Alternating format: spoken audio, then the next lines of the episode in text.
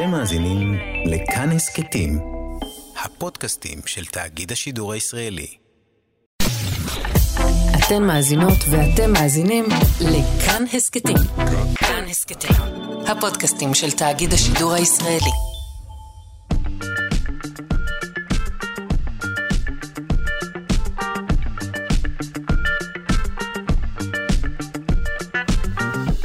שלושה שיודעים.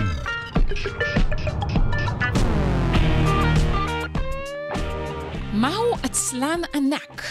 איך נהגי מרוצים יוצאים שלמים מהתהפכויות על המסלול? מיהו המתמטיקאי שבילה רק שנה אחת בבית הספר? ואיזו מוזיקה טובה לנהיגה, ואולי אפילו תציל אתכם בכביש. אה, נשוחח על אה, שאלות אלו ואחרות בשעה הזו שעורכת אלכס לויקר על ההפקה, עמרי קפלן, אניה קלזון וטל ניסן, על הביצוע הטכני דימה קרנצוב. אני שרון קנטור, בואו נתחיל.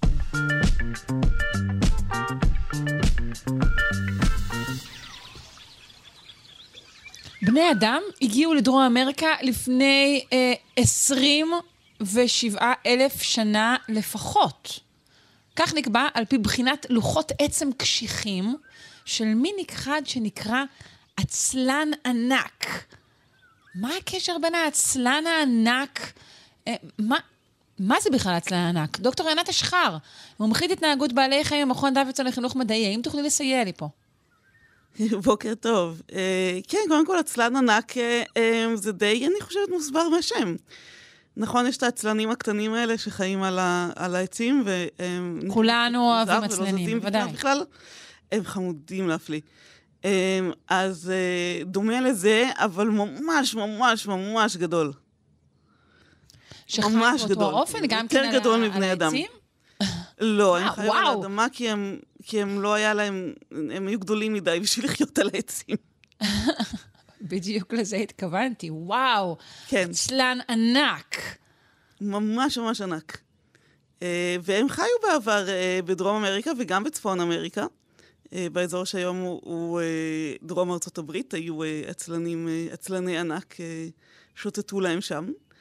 והאנשים הראשונים שהגיעו לאמריקה צדו אותם. ככל הנראה. לאיזה צורך? צר. מהבשר ופרווה, מן הסתם בשביל בשר, גם פרווה, כן. וגם עשו שימוש בעצמות שלהם. במקרה הזה, העצמות שמדובר בהן, הם...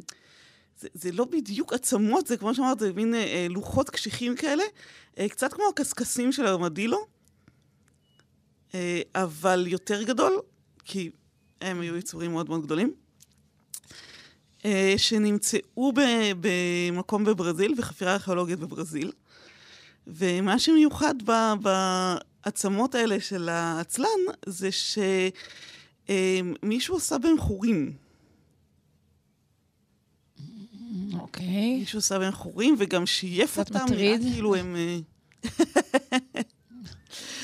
אה, ונראה שהם שויפו, הם עברו איזשהו עיבוד. ומה שהחוקרים בעצם אמרו במחקר החדש זה שהם... אה, העיבוד הזה היה יכול להיות רק בידי אדם. בעצם זה לא איזשהו אה, בעל חיים שניקב אותם עם השן שלו או משהו כזה, אלא זה אה, אנשים לקחו אותם ועשו בהם חורים, אה, ככל הנראה כדי אה, אה, להשחיל איזשהו אה, חוט, איזשהו שרוך ולתלות אותם. סוג של... זה היה טליון? ש... טליון מעצלן כן. ענק? Uh, כן, או טליון, או קישוט לבגד, או משהו כזה, כמו שהיום אנשים למשל uh, uh, הולכים לפעמים עם טיליונים של uh, uh, שן של כריש. אז אותו רעיון. Uh, כן, אני חושבת שמאז uh, uh, רפי נלסון, לא, לא ראיתי את, את הסוג הזה של התכשיט, אבל כן, בהחלט ייתכן שאנשים הולכים עם זה.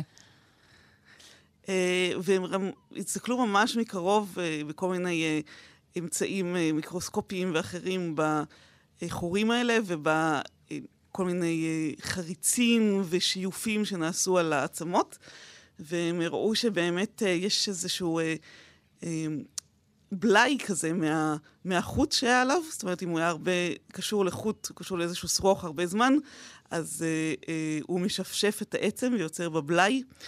אה, ואחד מהם, אה, הוא, הוא היה ממש כולו משופשף, יכול להיות בגלל שהוא היה על בגד, וממש התחכך בבגד ככה שהוא שויף טוב. ככה שזה היה משהו שממש השתמשו בו. והדבר שבאמת מעניין זה שהתיארוך שלהם הוא, כמו שאמרת, משהו כמו 27 אלף שנה. שזה מאוד מוקדם בשביל שאנשים יגיעו עד לדרום אמריקה. וחשבו שזה היה הרבה יותר מאוחר, נכון? זה, זה גילוי מפתיע.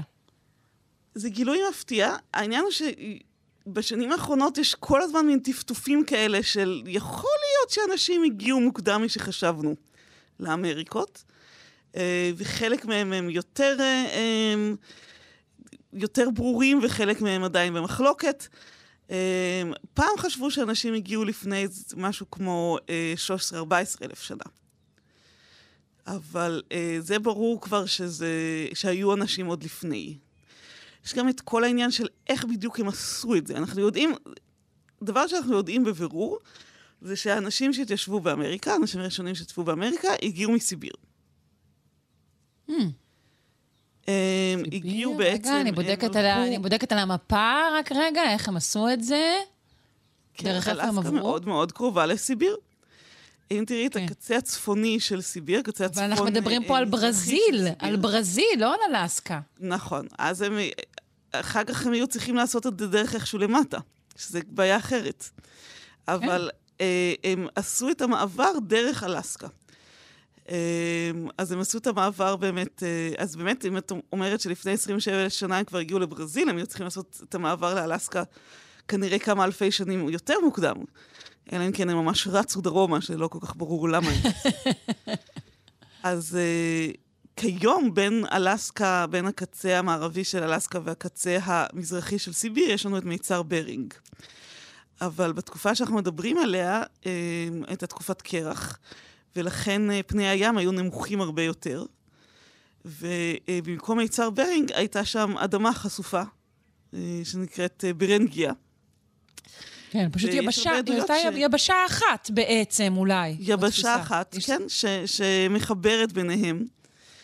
אמ, וכל מיני אה, ראיות שיש מאזורים שעדיין חשופים, שנשארו מברנגיה, מראים שהיה שם אה, ערבות עשב, כנראה גם עם הרבה בעלי חיים, והאנשים הלכו לשם ובעקבות, ה, אולי בעקבות בעלי החיים הגדולים. כן, והגיעו ל... אנחנו יודעים מה קרה אחרי. אחרי המפגש הזה בכל מקום שהאדם הגיע אליו. נשארו אחר כך פחות אה, יונקים.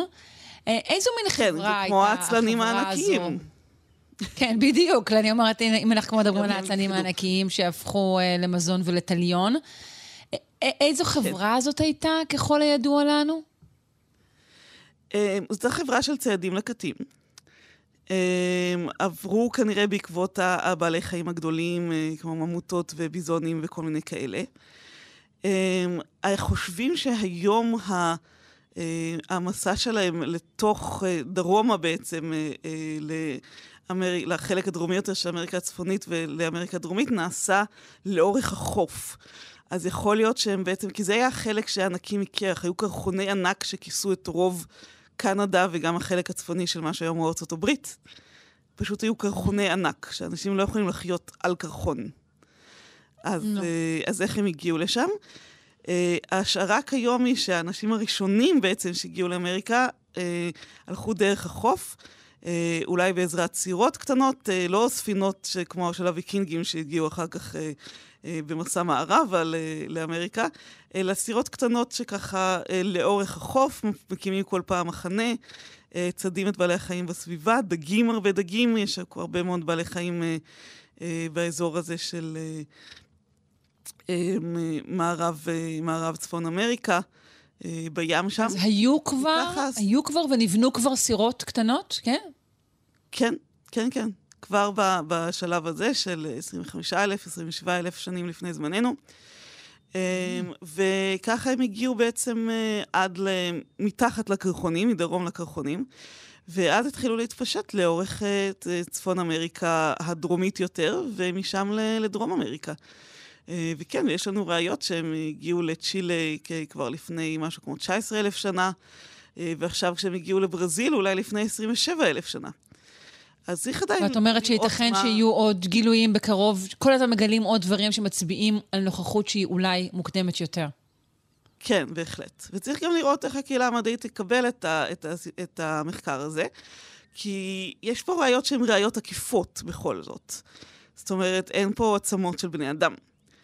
אה, כלומר, יכול להיות שאולי זה נראה הובא לשם. בכלל? אה, אה, זה מה שיכול להיות? אולי, אולי יהיו אנשים שיגידו, אנחנו לא בטוחים שהחורים האלה נעשו בידי אדם, יכול להיות שיש איזשהו תהליכים פיזיקליים שיכולים לגרום להם.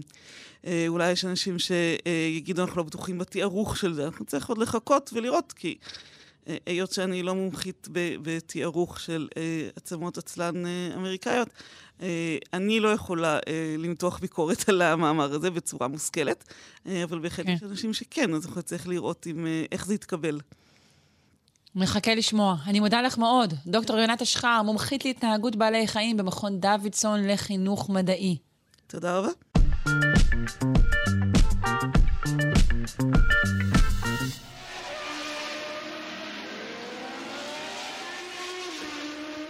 מרוץ אה, פורמולה 1 אה, הולך וצובר פופולריות בעולם. הוא תמיד היה פופולרי, אבל אה, ממש נשברים שיאים. וכולנו רואים מדי פעם נהגים שפשוט מתהפכים, מתרסקים. נראה שאף אדם לא יכול לצאת בחיים אה, מסיטואציה כזאת, אבל בכל זאת הם פשוט יוצאים ללא פגע. איך הדבר הזה קורה? נפנה למיכאל לוי, מנהל הניו-מדיה של עמותת מדע גדול בקטנה, כדי להסביר את הפלא. שלום. היי, מה היי. נשמע? בסדר. אז איך הם מעולה. יוצאים מזה חיים? מה, מה הקטע? אוקיי, אז קודם כל אני חייב להגיד שבמכוניות בכלל, במכוניות מרוץ, תמיד יש, איזה, יש איזשהו איזון שאני צריך לעשות. כי מצד אחד אני חייב לשמור על הבטיחות של הנוסעים, אבל מצד שני יש כל מיני דרישות אחרות. אז כשאני בא לתכנן ולייצר את הרכב, אז אני חייב למצוא את האיזון בין כל הדרישות האלו. מה, אה, מה אז זאת אומרת דרישות? אני, אני אתן דוגמה. אני רוצה עכשיו אה, שבמקרה של תאונה, אה, ש, תאונת צד, אז לא יקרה כלום לנהג. אוקיי? אז הפתרון האופטימלי זה לשים קורות מאוד מאוד כבדות בדלתות, ואז גם במקרה של תאונה לא יקרה כלום. אבל... אוקיי, אבל קורות כבדות מאוד, אולי במכוניות מרוץ זה לא כזה רעיון טוב, לא? לא, אז, אז אני מדבר גם עוד לפני המכונות מרוץ, Mhm, זה מכונית כן. רגילה. גם במכונית רגילה זה לא רעיון טוב, כי אם אני שם קורה כבדה, אז גם הדלת יכולה, אה, תהיה מאוד כבדה ומאוד עבה, והצריכת דלק של האוטו תעלה. אז, Mm. אז תמיד המהנדסים עושים ככה את השקלול הזה, בשביל להגיע לתוצאה האופטימלית. אז אה, אה, בעצם מה שאנחנו מדברים עליו עכשיו, זה לא סתם תאונות דרכים, זה התהפכויות. התהפכויות אה, במסגרת של פורמולה 1, כן. והדבר הייחודי זה איזושהי קשת התהפכות מיוחדת מאוד שנקראת אלו, כאילו כמו אה, עילה, אה, שהיא בעצם מגינה על הנהג, והקטע המעניין שבהתחלה הנהגים התנגדו, הם, הם לא רצו שזה מותקן על הרכב. רגע, אבל קודם כל נתחיל, מה, זה נקרא קשת התהפכות, אה, כשמה כן היא, מדובר בקשת. אז, אז האמת שבמקרה הזה הצורה שלה היא קצת מיוחדת, כי היא נראית, קצת קשה להסביר את זה בעל פה, אבל זה נראה כמו אה, W, אה, סליחה, כמו Y, או כמו Wishbone, שתמיד רואים בסרטים שהם אה, ככה, בסרטים האמריקאים שמושכים בשני הצדדים. מהמם, אז כן. יש בעצם, תדמיינו את זה מי שמקשיב, אתם עכשיו הנהג, יש מולכם קו שעולה מעל הראש, ואז הוא כאילו מתפצל לשתיים והולך לצדדים. אוקיי. עכשיו, אנחנו קוראים לזה עדיין קשת, ומה שבעצם עשו זה, תכננו את זה גם בצורה כזאת שהמרווחים יהיו מאוד מאוד קטנים, ככה גם במקרה של תאונה הרבה פעמים עפים כל מיני חלקים, אז הם לא עוברים את זה, וזה גם שומר על הנהג. אה, וגם הם, הקשת עצמה מורכבת מחומרים אה, מרוכבים, שהם גם מאוד קלים וגם מאוד חזקים, אה, ובעצם הנהג יוצא ללא פגע. אוקיי, זאת אומרת, היית אומר שמבחינה אה, פיזיקלית זה, זה חומר חדיש, שפשוט לא היה.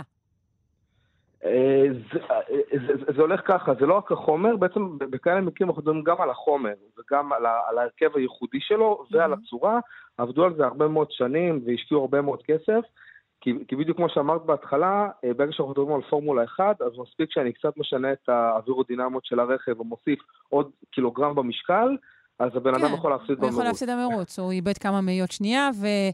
אה, עכשיו, הקשת הזאת היא קלה מאוד, אה, כמו שאמרת, אבל היא יכולה לעמוד בלחצים אדירים.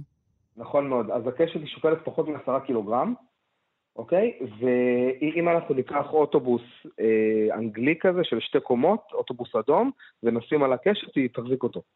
איך? זה באמת קשור גם ל- ל- למבנה שלה וגם נכון. להרכב שלה? נכון מאוד. אז, אז בעצם אני קצת ארחיב על הנושא של החומר המרוכב. קודם כל, למי שלא מכיר, חומר מרוכב זה בעצם שאני לוקח שני חומרים או יותר, שלכל אחד יש את התכונות שלו, אבל ברגע שאני מחבר את זה, אז זה משפר את זה. כלומר, השלם גדול מה- מסך על הקו, Mm, כן. ואז, ואז אני מקבל נגיד חומר שהוא יותר חזק, או מוליך חשמל יותר טוב, או, או תלוי במה שאני רוצה. ובמקרה הזה יש שלושה חומרים, אחד מהם זה טיטניום, השני זה פחמן, והשלישי זה אפוקסי. אוקיי? עכשיו, מה הסיבה שמשתמשים בכל חומר? טיטניום, כמו שאנחנו מכירים, זה בעצם מתכת שהיא מאוד מאוד קלה וחזקה, אה, וגם יכולה לספוג מכות אה, פתאומיות וחזקות בלי שיגרם לה נזק. כן. אוקיי? עכשיו, אה, פחמן, זה, הוא, הוא- זה לא סתם פחמן, זה פחמן שמסודר מרחבית באיזושהי צורה, ואני ממליץ באמת להיכנס לפוסט באתר ולראות את זה בעין, אה, ואז יש לו מה שנקרא אה, חוזק כניעה גבוה. כלומר, אני צריך ממש להשקיע הרבה כוח כדי לשבור אותו. במילים אחרות, אני יכול לקחת ירייה שהיא ממש ממש דקה וקלה, והיא תהיה מאוד מאוד חזקה. אוקיי? אז מהמם. זה השני דברים, והדבר השלישי זה ואפוקסי, שאנחנו מכירים כן. אותו, זה, זה, נכון, זה פולימר דביק. נכון מאוד, שבעצם אה, היתרון שלו זה שהוא נדבק בקלות להרבה מאוד חומרים, ואז זה בעצם שומר על הקשת, למרות שאני בעצם, יש לי חומר מרוכב שעשוי מכמה חומרים, אז האפוקסי שומר על הכל ביחד. אוקיי. למה אמרת שהנהגים התנגדו בהתחלה אה, לשים את, ה, את הקשת הזו? מדוע? כי א- א', כי הם גברים, אז הם טיפשים בהגדרה. הם אמרו, לא, זה- האוטו ייראה מכוער ככה, וזה פוגע בספורטיביות, אה, אבל אה, זה- נכנס כדרישת חובה, כי אולי. סכנת, סכנת הריסוק היא פשוט חלק אינטגרלי מהספורט. אנשים, כן, אבל... אתה יודע, אנשים אבל- רוצים ליהנות גם מה, מהמחשבה שאולי אה, מי שמולם מסכן את חייו. כן, אז- אז זה הנאה היה מפוקפקת בעבר. אולי, אבל... אה, אז, אז זה היה בעבר, מאז היו אה, ארבעה נהגים שהחיים שלהם ניצלו בזכות הקשת הזאת, וממש רואים את הסרטונים, לדוגמה באחת התאונות הייתה התהפכות, שרכב אחד עלה על הרכב השני, ממש היו כאילו קשת על קשת, ולא קרה כלום. כן, למה? ומדובר כאמור במהירויות של אה, מאות קילומטרים לשעה, שזה מטורף. בדיוק. אז, אז היום כבר אין את הדברים האלה, הם אה, אימצו את הקשת, ספורט כבר לא מה שהיה, תאמין לי, אנשים לא יכולים למות בשקט. אה, שכל. או ברעש, כן. תגיד לי, אפשר לשים קשת כזו אה, גם על אה, כלי רכב אה, פתוחים ומסוכנים אחרים? נגיד שאנחנו רוצים להציל רוכבי טרקטורונים, האם היינו יכולים אה, לשים עליהם קשת כזו? אז, אז ב- ב- בעיקרון זה אפשרי, ויש לנו באמת בכלי רכב פתוחים, אני אקח דווקא דוגמה של הצבא, לדוגמה שלנו אה, סתם אה, ג'יפ אוקיי, שהוא, אה, שיש לו גרסאות פתוחות, ואז באמת יש שם קשת התהפכות, בדרך כלל, בדרך כלל יותר מאחת גם, ו... אז אני לא צריך להשתמש בהלו כזה, קודם כל כי יש לי הרבה יותר נוסעים, אין לי רק נהג אחד. Mm, אז לא וגם- צריך את ההלו שהיא באמת גם שוקלת כל כך מעט, אפשר לשים קשת אחרת. בדיוק, אז, אז, אז גם שם אגב אני משתמש בקשתות שהן יחסית קלות, כי אני, אני מעדיף אה, לקחת את העשרה קילו האלה ולשים נגיד תחמושת, או עוד נשקים, או אוכל, או לא משנה מה, אבל אני, אני, אני לא אשתמש בד- בדברים של פורמולה 1. Mm, אוקיי, הבנתי. אבל, אבל כן שמים אה, קשת כזו גם על רכבים אחרים. נכון, אז, לא- לא-. אז, אז הקטע של הקשת הזאת היא מאוד מאוד מיוחדת וחדשנית, אבל כן יש לנו קשתות התהפכות, בעיקר ברכבים פתוחים, ב- בטרקטורים לדוגמה, אבל לדוגמה אם יש לי טרקטור, אז לא אכפת לי שהקשת תשקול 100 קילו אפילו, כי גם ככה הטרקטור שוקל מלא. כן, אני מבינה. אה, טוב, יפה, ומי שרוצה גם אה, אה, לקרוא ולשמוע עוד, יכול להיכנס למדע גדול בקטנה. אני נכון? ממליץ לראות גם את הסרטונים, כי, כי כן. באמת, זה, זה, אגב, אני, אני כתבתי את הפוסט, כי פשוט ראיתי את הסרטון, ואמרתי, אין מצב שהוא יוצא מזה כן. כן, כן, זה אני גם ראיתי, הייתי, זה. מדהים. הוא, הוא, הוא התהפך וניצוצות וחלקים עפים, ואז הוא התרסק על מעקה, ואז כזה לקחו אותו לבית חולים לבדיקות ושחררו אותו באותו יום. זה מדהים. מדהים. מיכאל לוי, מנהל הניומדיה של עמותת מדע גדול בקטנה, תודה רבה. תודה לך, ביי.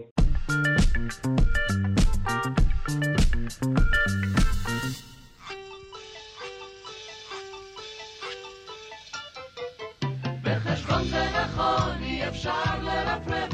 בחשבון זה נכון, אי אפשר לצפצף. בחשבון זה נכון, אי אפשר לזייף, אך מי אמר אפשר נגיד שלום למיכאל גורודיני, מכון דוידסון, הזרוע החינוכית של מכון ויצמן למדע. מיכאל, אתה יודע, הרבה פעמים ככה נראה לי שאתה יודע, בוחשים אותנו, מסברים את אוזנינו.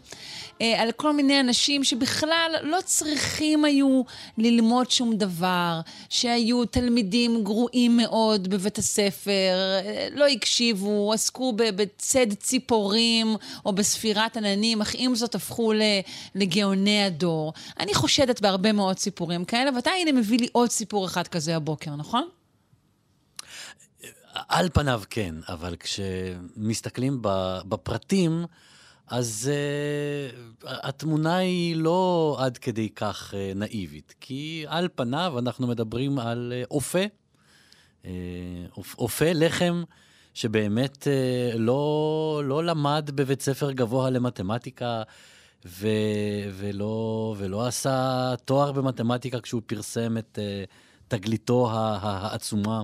ו- הוא לא עשה גם המאמר. תיכון, הוא לא עשה חטיבת ביניים. הוא לא עשה בקושי תיכון. עשה בית ספר יסודי, לפ- לפי הוא לא הכין שיעורי המשלים בית, הוא לא הוא לא הכין שיעורים. פתר, הוא לא פתר הוא לא עשה 200. פסיכומטרי, הוא... שום דבר פה, אין פה יחידות, לא כתוב לי פה כלום, אני לא מבינה מה קורה.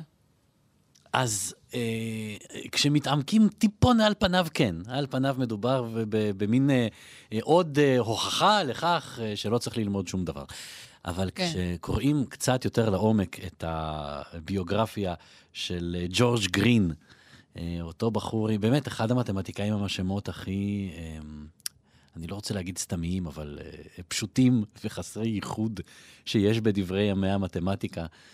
באמת שם אנגלי סטנדרטי ובנאלי זה סתם לחלוטין, אחד, זה ג'ורג' כל- גרין אחד, כן. ג'ורג' גרין, כן, מי זה? זה, זה ג'ורג' גרין.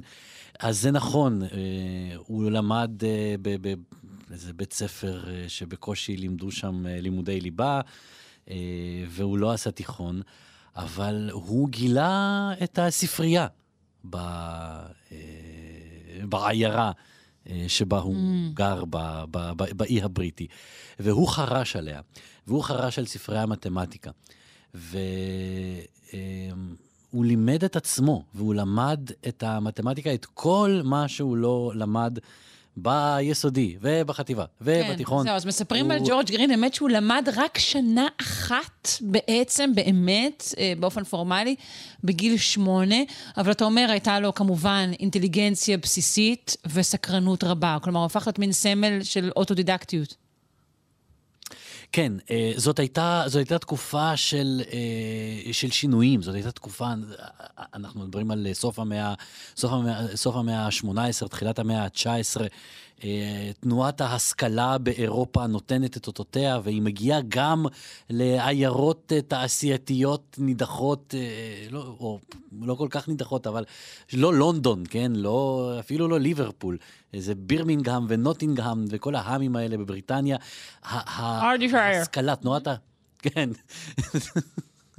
תנועת ההשכלה של אירופה מגיעה גם לשם, ונפתחת באותה אה, עיר, עיירה קטנה שבה גר אותו אופה אה, אה, צעיר ומוכשר, נפתחת שם ספרייה. ובספרייה הזאת יש ספרים על מתמטיקה. ומה שאולי נשמע מוזר לחלק ממאזיננו, אה, גרין הצעיר הלך בזמנו הפנוי, אחרי ימ, ימים של עבודה קשה במאפייה ובתחנת הקמח המשפחתית, הוא הלך לספרייה, ומרצונו החופשי ולהנאתו, הוא קרא ספרי מתמטיקה. אז אתה ודאי לא מעלה את סיפורו של, של גרין אה, עקב המשבר הגדול בספריות הציבוריות בישראל, שרבות מהן אמורות להיות אה, משותקות ממש בקרוב עקב כשל בירוקרטי והיעדר אה, טיפול ראוי. אני מניחה שלכן הבאת בוודאי את סיפורו של אה, אה, ג'ורג' גרין. גם זה, גם אנחנו חוגגים לו יום הולדת. אה, אה, אוקיי, בסדר. אבל אה, כן, אה, בלי, בלי, בלי הספרייה, בלי הגישה לספרייה, שהיא משאב שממשיך להיות עד היום משאב של ידע, כל הכישרון הטבעי, ולא, אין ספק שלא מדובר בסתם איזה אופה מן השורה, כן? היכולת המתמטית הייתה שם. אבל בלי גישה לידע העצום שהוא קיבל פשוט בספרייה עירונית פשוטה, כן? אה, ובעיר הוא שהיא לא באמת מגיע. מרכז הידע, כמו שאמרת, לא. זו עיר שצריכה, שבאמת צריך היה את הספרייה הזו. זה שוב, זה נכון כן. גם אצלנו, כי הסכנה הגדולה היא כמובן, כרגיל, אה, לפריפריה. אה, כן. סליחה שאני כן. לוקחת ככה את הפינה וחוטפת אותה לצרכים כאלו, אבל ספריות זה מאוד מאוד חשוב. האם תוכל להסביר לנו את חוק גרין, ככה, בשתי דקות? אמ, אז אני לא יכול להיכנס לפרטים המתמטיים המדויקים, כי הוא כלל יחסית מורכב, אבל אני בהחלט יכול להסביר מה זה עושה. אה, ה- התגלית הגדולה, המשמעותית ביותר של גרין, שבזכותה הוא ידוע אה, לכל אה, תלמידי תואר ראשון במתמטיקה ופיזיקה, זה, הוא קשר בין שני דברים שעל פניו היו, הקשר ביניהם לא, לא, היה מובן, אה, לא היה מובן מאליו. מתמטיקאים עסקו במשך הרבה שנים בשאלת חישוב השטח. זאת אה, שאלה משמעותית מאוד, מרכזית מאוד במתמטיקה. כמובן, כשהשטח הוא מלבן, למשל, אין לנו בעיה. כולנו יודעים לחשב שטח של מלבן. כך גם צורות פשוטות, אה, מעגל, משושה. כשהצורה, כשאנחנו מבינים מה הצורה, אמ, קל לנו לחשב את השטח. אז גרין תקף את השאלה הזאת לגבי צורות לא רגילות, לא פשוטות, סתם להעביר איזה קו, לשרטט קו אה, שעומד בכל מיני תנאים אה, מתמטיים, לא כל אה, קו מתאים כאן, אבל במידה רבה זה מתאים כדי לתאר כתמי דיו. זאת אומרת, זאת יכולה להיות צורה מאוד אמורפית, בלי שאנחנו יודעים משהו מדויק. אה, אה, על סוג הצורה הזאת, בלי שאנחנו יודעים לקטלג אותה, והוא מצא קשר בין אה, חישוב שעורכים על השפה, על הקצה של הצורה, לבין השטח הכללי שלה. או, אם ננסח את זה בצורה פופוליסטית שקצת חוטאת לאמת, אבל רק קצת, אם אנחנו יודעים לעקוב אחר קו המתאר של הצורה בצורה מספיק מדויקת ולמדוד איזושהי מדידה שקשורה לאותו קו מתאר, רק לפי זה אנחנו נדע לחשב את השטח של הצורה. אמ, שזה סופר שימושי, התגלה להיות סופר שימושי באין ספור תחומים מתמטיים ופיזיקליים ועוד ועוד ועוד, וכימיים, בכל מקום. מדהים. אה, ובינתיים נמסר לי שייתכן שבעקבות אה, השיחה שלנו והקריאה הנרגשת, משבר הספריות הציבוריות הגיע אה, לפתרון זמני. תראה מה זה, תראה את הכוח של התקשורת. כוחה של מתמטיקה. ממש. אז של אה, אני. מודה לך מאוד בשלב זה. מיכאל גורודיני, מכון דוידסון, הזרוע החינוכית של מכון ויצמן למדע, ניפגש בספרייה. כן, כן, ונקווה שזה באמת אה, בא, ל... בא על פתרונו.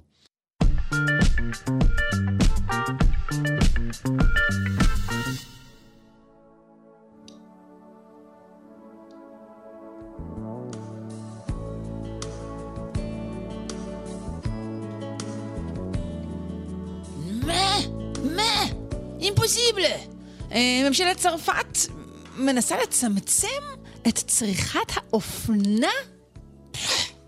אה, לפני רנגל, מעצב ומנכ"ל קיימה, מרכז לתכנון ועיצוב מקיים, שיספר לנו אודות אה, היוזמה המפתיעה הזה.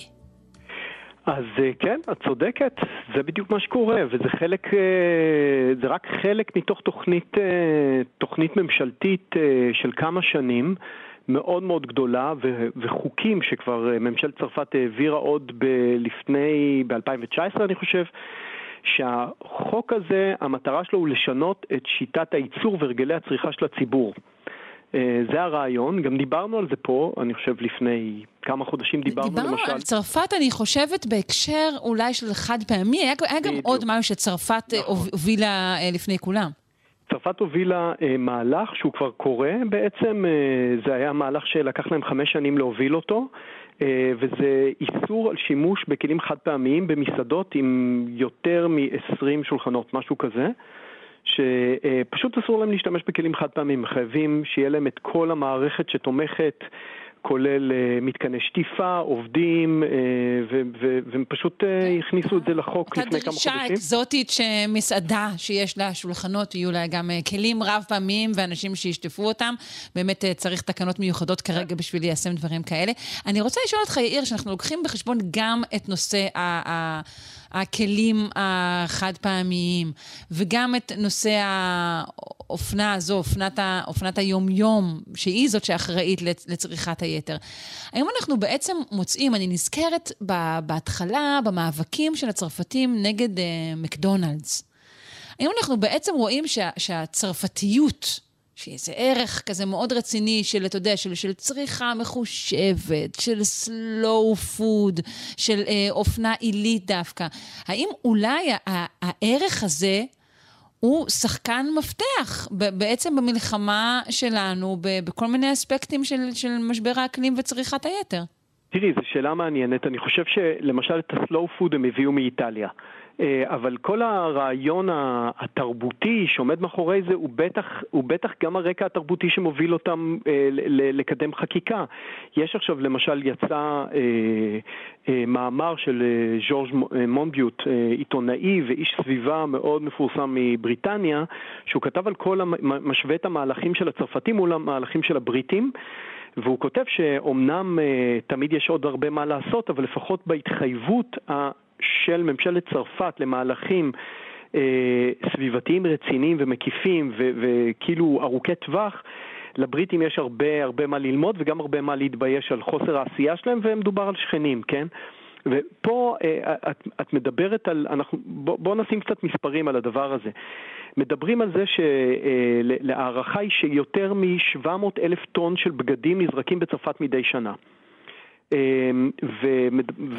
ויותר משני שליש מזה מגיע למטמנות. כלומר, אין מה לעשות עם הבגדים האלה. חלק תורמים אותם, חלק מנסים למחזר אותם, אבל רוב הבגדים, מכיוון שהם לא תוכננו מראש להתפרק אה, או להפוך להיות חומרי גלם או לת, למהלך של תיקון או האיכות חומרי הגלם שלהם היא, היא לא מספיק טובה, הם מגיעים פשוט למטמנות. עכשיו הדבר הזה עולה המון המון כסף והוא כמובן יש לו נזק ואימפקט סביבתי מאוד מאוד גדול וגם uh, הרבה מאוד בזבוז כספים, אם מדברת על העניין המקומי, חלק uh, גדול מזה הוא מיובא, אני מניח ולא... Uh, לא דווקא מיוצר בצרפת, בטח לא חומרי הגלם. עכשיו, כן, התוכניות האלה, התוכנית הזאת ספציפית תתחיל באוקטובר, ומה שהיא אומרת זה שהמדינה תסבסד תיקונים של פרטי לבוש ואופנה, ואנשים יוכלו לקבל בין 6 ל-25 יורו מעלות תיקון הבגדים, ויכול להיות גם נעליים, חגורות. אז קודם כל צריכים שבכלל יהיו אנשים שמתקנים, צריכים. שיהיו חייטים, תופרים, תופרות. זה כל הטריק, אבל זה לא רק זה, זה הרבה יותר מזה. בעצם, אה, כמו בהרבה חוקים אחרים, והשאלה אם הם יצאו לפועל, ופה יש תקציב של אה, 154 מיליון יורו לחמש שנים. זאת אומרת, לא תקציב קטן, רק לתוכנית הזאת, ויש גם ארגון שקוראים לו ReFashion, שזה ארגון אקולוגי שמתעסק באופנה ובעיצוב ותכנון, אה, שלקח על זה, שקיבל על זה אחריות, והם בעצם אמורים גם אה, להכשיר אנשים או להפנות אנשים לכל מיני מקומות, אבל יש פה אה, איתות מאוד מאוד רציני לחברות, לרשתות השיווק. זאת אומרת, תכלס אנחנו מכירים את הדבר הזה שהרבה פעמים הולכים לקנות אפילו בגדים חדשים וצריך לעשות להם איזשהו תיקון, קיצור. כי מה לעשות, לא כולנו נראים אותו דבר אה, ולא כולנו באותו גובה ומידה כמו בחנויות. ו... כן, אנחנו כבר לא הולכים באמת לחייט שיתאים את החליפה בדיוק לפי מידתנו, אנחנו קונים אה, אה, אופנה באמת כזאת אה, זולה ברשתות. אבל מדובר רובנו. גם על אופנה, אופנה לא זולה, לא דווקא fast fashion. התחום הזה של יד שנייה, אה, הוא אחד התחומים הכי גדלים בתחום, ב, ב, בעולם, ובטח כן. ובטח בתחום האופנה, ואני מדבר גם על אופנה עילית. היום מה שקרה, בגלל שהשוק הזה התעורר, אה, כבר לפני כמה שנים, היום החברות הגדולות מבינות את זה בעצמם, ואו שהן פותחות אתרי ריסייל בעצמם, כלומר, יש להם אינטרס אפילו לקחת את הבגדים היקרים, לתקן אותם, לשפץ אותם, או פשוט למכור אותם מחדש, המחיר שלהם הוא, הוא נשמר אה, בסכומים מאוד מאוד גבוהים.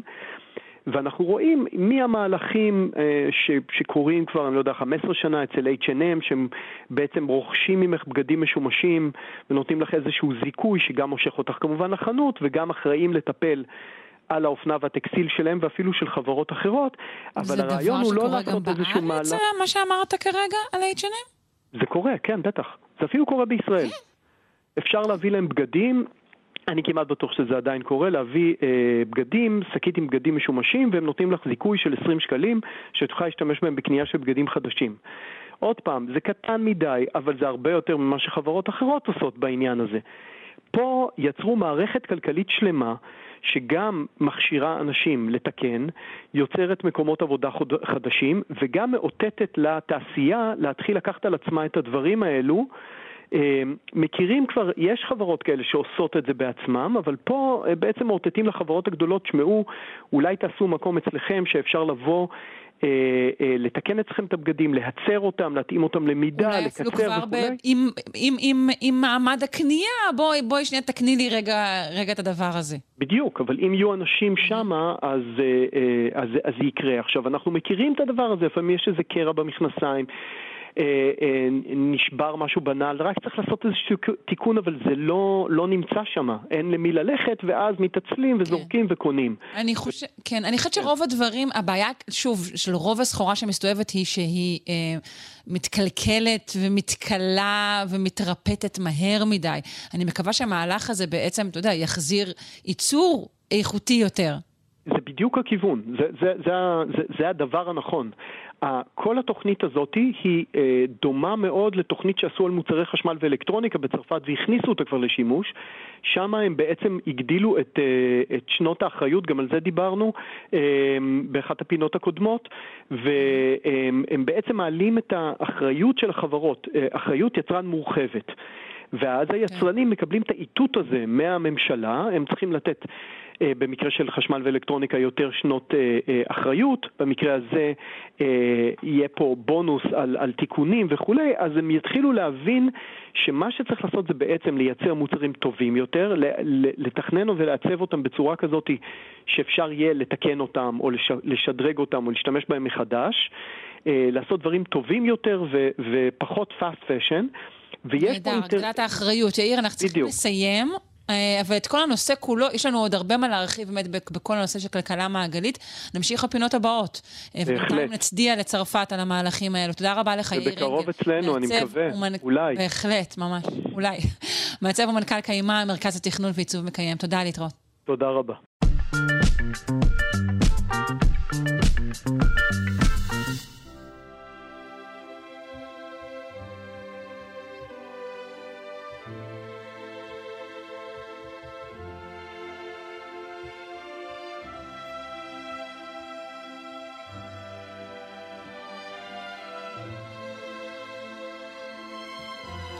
אנחנו עם פינת השירה של רונה ישראל קולט, מורה לפיתוח קול וחוקרת קוגניציה ווקאלית באוניברסיטה העברית. שלום. שלום.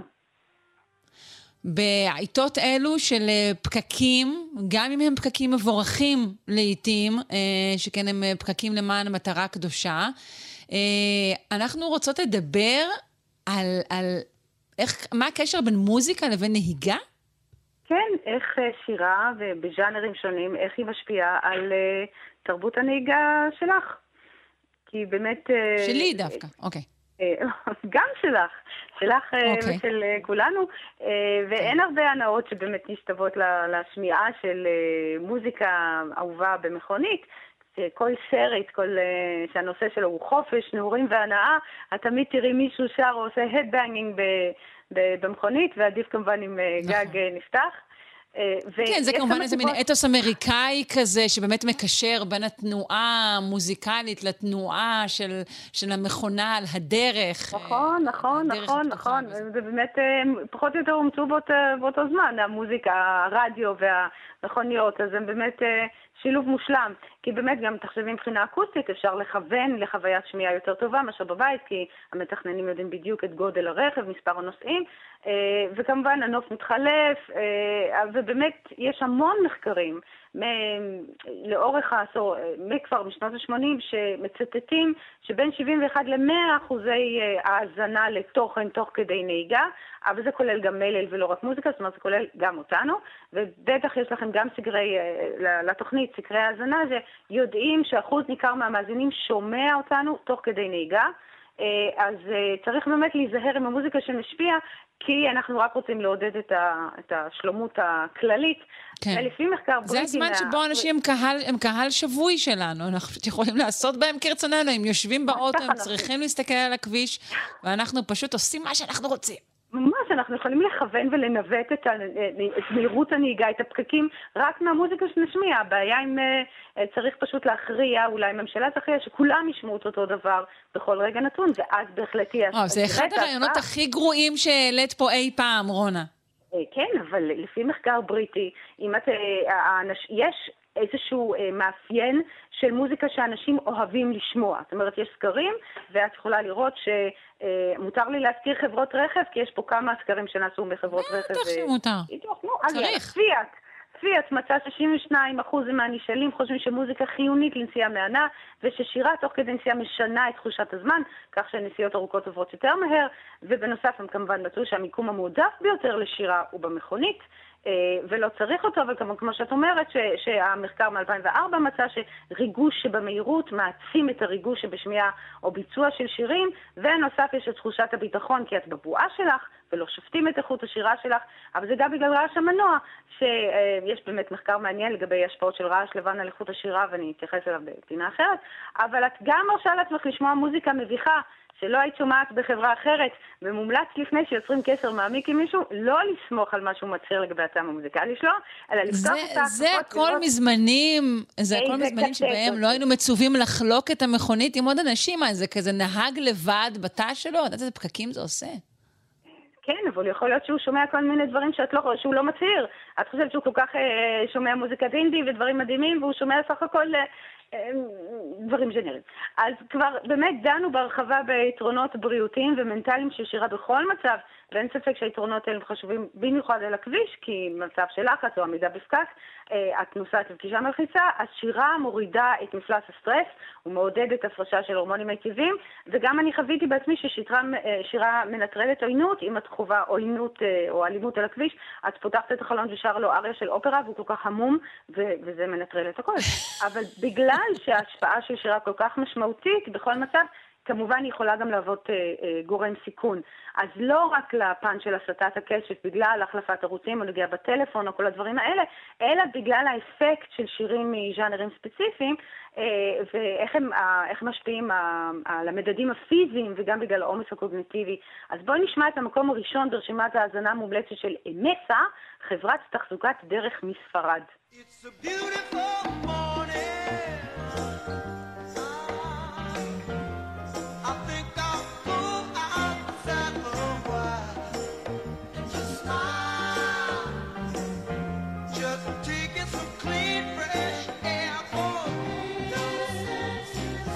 מי ששומע אותנו, כבר ירד לו, הוריד את הרגל מהגז, כבר עלה לו מפלס הכיף.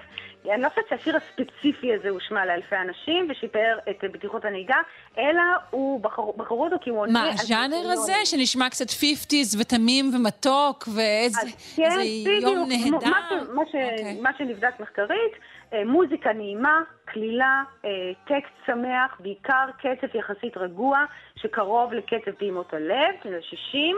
אה, זה לגבי, זה, הפלי, נעשו הרבה מחקרים לגבי הפלייליסט המומלץ שמעודד או תומך נהיגה בטוחה, והחוקרים די תמימי דעים שמבחינה של בטיחות, מוזיקת פופ קלילה היא המומלצת ביותר, כי אה, אין סכנה שאת תישאבי לתוך איזשהו מרחב אישי שמסיט את הקשב עם המוזיקה הזו, גם בגלל הווליום, שומעים את זה בווליום יחסית רגוע.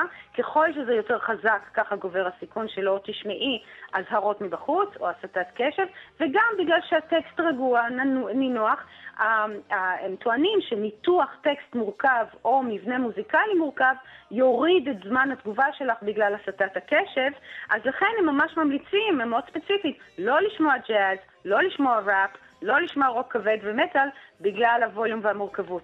אבל... אה, לא אה, לשמוע, לא לשמוע מטאל? מה לגבי דרון? אני, אני יכולה רגע להשמיע לך את סוג המוזיקה שאני נוהגת לשמוע בנהיגה? אני חושבת שדווקא מאוד אז נדע עוזרת לי את ל- אופי- את- לריכוז. את המידת בטיחות שלך, כן, בדיוק. נדע את זה. דימה, האם תוכל רגע להשמיע לנו את זה?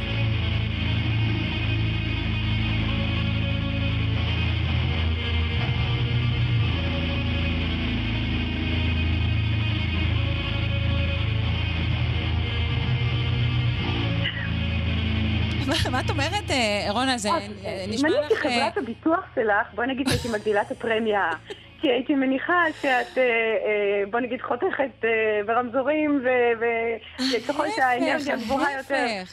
נו, כן, זה כמובן. סאן, זה דרון, זה גורם לי לריכוז אדיר. אז מצוין, אז אני מורידה, ברגע זה הורדתי את הפרמיה, אבל אין ספק תודה. שמשתנים כמו גיל והעדפה אישית, הם משחקים כאן תפקיד מאוד חשוב, אה, כי למשל, אה, אה, משתנים ספציפיים גם של, אה, שמודדים כמה שיר בטוח או לא, כמה הוא מסיט את הקשת כן או לא, אז יש באמת אה, שיר שנבחר על ידי אה, אה, סקר שנערך על ידי פאס ספוטיפיי, אז הוא מצא שהשיר שהכי פחות מוריד קשב הוא דווקא השיר של בילי אייליש. בוא נשמע אותו.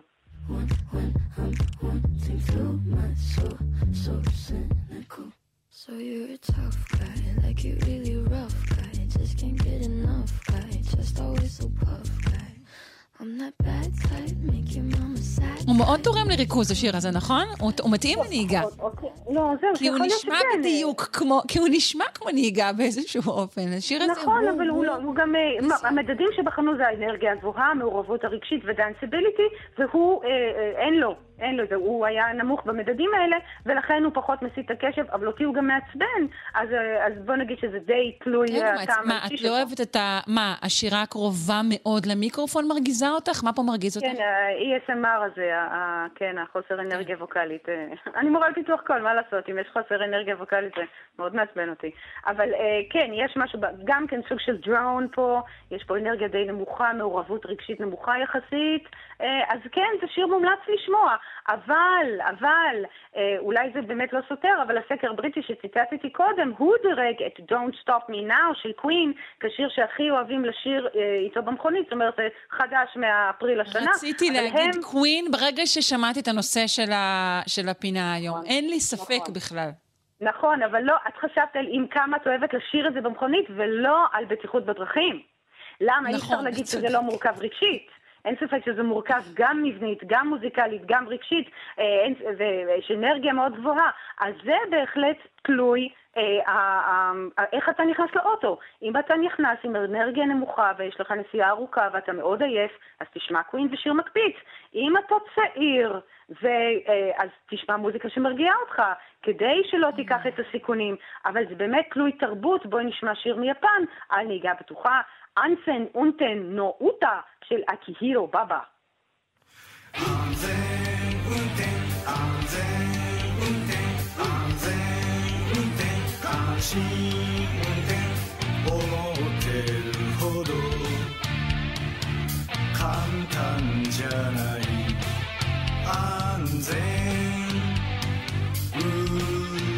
לדעתי אחדים מאזיננו נכנסו אה, כרגע בתמרור. אני מאוד מקווה שלא. זה שיר ממש חביב, ממש מצאתי אותו ואני לא, זה נהדר, אבל הוא פשוט, משהו במקצב שלו נשמע כל כך שבור ומוזר.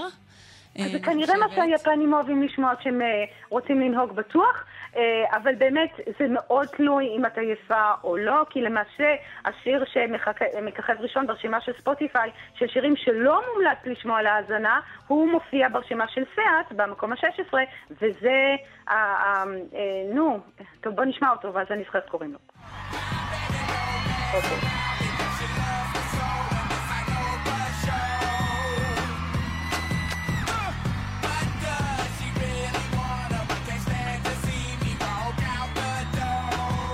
אוקיי, זה אני שיר שם הכי אנטיה, מושלם לנהיגה ש- שיש כמעט, מה זאת אומרת? שיר מושלם. זה בקיץ אני מאוד? אוהבת.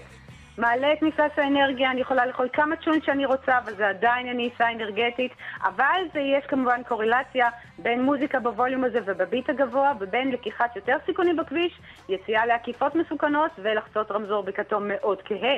אז באמת צריך להיזהר כן, אולי יותר ולהתאים. מדי חדווה בנהיגה זה מייצר. אני נכון. עדיף להיות, אה, להיות צעיר ו- ורגוע, וככה, ועדיף כמובן לקחת רכבת. אז תשאלי, למה אנחנו לא שרים ברכבת? אז את נמצאת עם אנשים זרים, למרות שבעיניי זה נהדר לנסוע עם הנוף המתחלף, אותה, אותה תנועה, אותה העצמה של האנרגיה. אז אני מוכנה לארגן למי שרוצה שירה ציבורית בקרון מיוחד, מי שרוצה לנסוע בקרון ולשיר איתי מול הנוף המתחלף, שישיר הודעה ונצא לדרך. אבל בואי זה נסיים. רעיון נהדר, כדאי לארגן את זה עם רכבת ישראל, שאת תקבלי קרון אחת לכמה זמן ותוכלי לארגן שם אה, שירה. נכון, וככה נוריד את, פשוט נעלה את מפלס השלומות ה- ה- ה- הארצי. באמת רעיון טוב. זה נהדר. עם מה אה, נסיים, רונה? נסיים עם שיר של ג'יין בירקין, שנפטרה לפני כמה ימים. זו אישה יפה שקצת דומה לך, אני חושבת. יפה. אה, והיא גם אה. שרה נהדר את השירים של סרג' גינזבורג, וזה בהחלט מתאים לפלייליסט הרגוע והזהיר. נבחר את אה, Amours des feintes, אהבה של פנטזיות. נהדר. ג'יין בירקין, נזכור אותך לנצח. תודה רבה, רונה ישראל קולט, מורה לפיתוח קול וחוקרת קוגניציה ווקאלית באוניברסיטה העברית. הנה ברוש לבדו מול אש ומים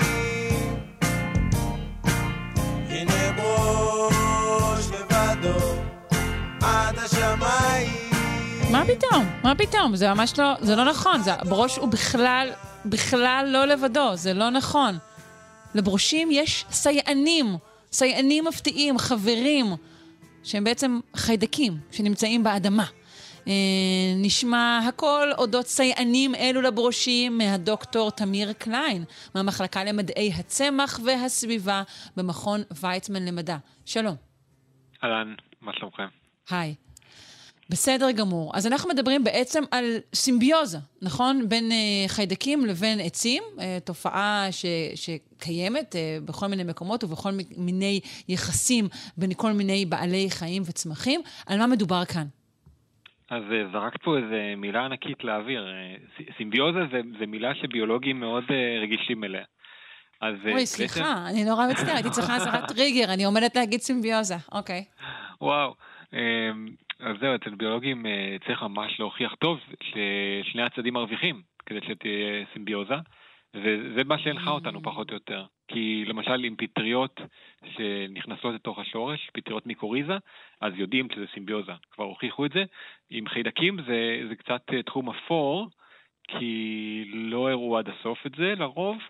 אה, אבל אנחנו הצלחנו, אה, כי באמת היה חשוב לנו לסגור את כל המעגל. גם להתחיל מעץ שהוא במצב לא טוב, במקרה הזה זה היה ברוש באמת, ו- וגם להראות איך החיידקים מרוויחים ואיך מצבו של העץ משתפר בעקבות החשיפה לחיידקים בקרקע. אוקיי, בוא ספר על המחקר שלכם, שגם המהלך שלו כשלעצמו היה מאוד מעניין. אה, כן, אז בעצם רצינו לראות איך, איך יש את היחסים, מערכת היחסים המורכבת הזאת בתוך הקרקע, שנסתרת מעינינו. אז זה התחיל בכלל אה, שגלעד, שהוא היה מסטרן פה בצוות, הוא אה, עיצב אה, מין, אה, במקום עציצים, אה, מין מערכות מיוחדות מפלסטיק עבה ושקוף כזה, שאפשר לראות את השורשים גדלים לתוך הקרקע, וגם שאפשר אה, לפתוח דלתות בכל צד, בכל פאה של הקובייה הזאת, ולהגיע לשורשים ולדגום אותם ולחבר כל מיני מערכות אה, ניסויות. אז זו הייתה ההתחלה. אה, אגב, לברושים הגענו לאו דווקא כי הם היחידים שעושים אה, יחסים עם חיידקים, להפך, לכל העצים יש יחסים עם חיידקים בקרקע, פשוט הברושים, אנחנו הכרנו אותם יותר טוב כי השורשים שלהם הם, הם די רדודים. כשאתם רואים ברוש, תזכרו שהשורשים לא רדודים והוא... זה אומר שהוא לא יציב כל כך בעצם? אה, אם הוא, אם הוא חשוף לרוח מאוד חזקה. לרוב הם בסדר, יש להם שורשים אה, די רחבים, אבל הם לא, לא, לא הולכים לעומק. שזה היה... כן, כן, הייתה. סופה אחת באזור ביתי, ונפל לי ברוש מהגדר הסמוכה ביני לבין השכנים. נפל ברוש על גג ביתי, אז אני בהחלט יודעת זאת אה, ממקור ראשון. אז במקרה בשפלה גרה? לא, אני גרה בדרום הצפון. הבנתי. פשוט בשפלה הייתה סו- סופה רצינית ממש לפני כמה שנים, שלא הייתה כמותה בישראל. חשבתי אולי זה המקרה הזה. אמ, זהו, אז ככה התחלנו, ובהמשך אה, דוקטור יערה אופנהיימר שאנן, שהיא בעצם הובילה חלק גדול מהמחקר הזה, אה, עשתה כמה טריקים, היא אוהבת לעשות הנדסה גנטית לחידקים, אז היא הוסיפה להם למשל עמידות לאנטיביוטיקה, שזה דבר שמחקרית הוא טוב לנו, כי נוכל אחר כך לספור אותם. כי אם אנחנו אחר כך זורעים אותם ואנחנו שמים אנטיביוטיקה, אנחנו מקבלים רק אותם. Mm, אז זה כלי ניסוי חשוב. ועוד דבר שהיא אוהבת לעשות זה להצמיד אה, אה, כל מיני גנים פלורסנטיים לכל מיני חידקים, אז אפשר גם לראות אותם. אז אפשר. לראות אותם. אה, כן, וואו, אדיר. בדיוק. אז, אה, אז טוב שיערה נמצאת, וביחד אה, בעצם התחלנו עם, עם עצים, אה, שתנו את הברושים לתוך המערכות המיוחדות האלה, והתחלנו כבר אה, להציק להם. בעצם אה, סגרנו את- הברז, והם נכנסו להקה. וההקה הזאת הייתה גם של יובש, אבל גם שחסרים להם אה, נוטריאנטים ויסודות חשובים. כי רוב הדברים האלה הם מוסעים עם המים לתוך השורש. אז מהמם. ראינו כבר בעיות בעלים שהיה חסר זרחן והיה חסר ברזל למשל. אה, אותם דברים שאנחנו גם צריכים אותם אה, בגוף שלנו, אז גם העצים צריכים. אה, ואז באנו לעזרתם עם אה, אה, שני חידקים שבודדנו מתוך קרקע שאספנו ביער ליד ברושים, ורצינו לראות מה קורה. אספנו... רגע, רגע, כל רגע, שנייה, יש לי שאלת ביניים, סליחה. כן. קודם כל, הנחתם שיש בקרקע ליד ברושים, שוב, או ליד כל עץ מסוים, חיידקים שמסייעים לו, ומכאן בעצם יצאתם?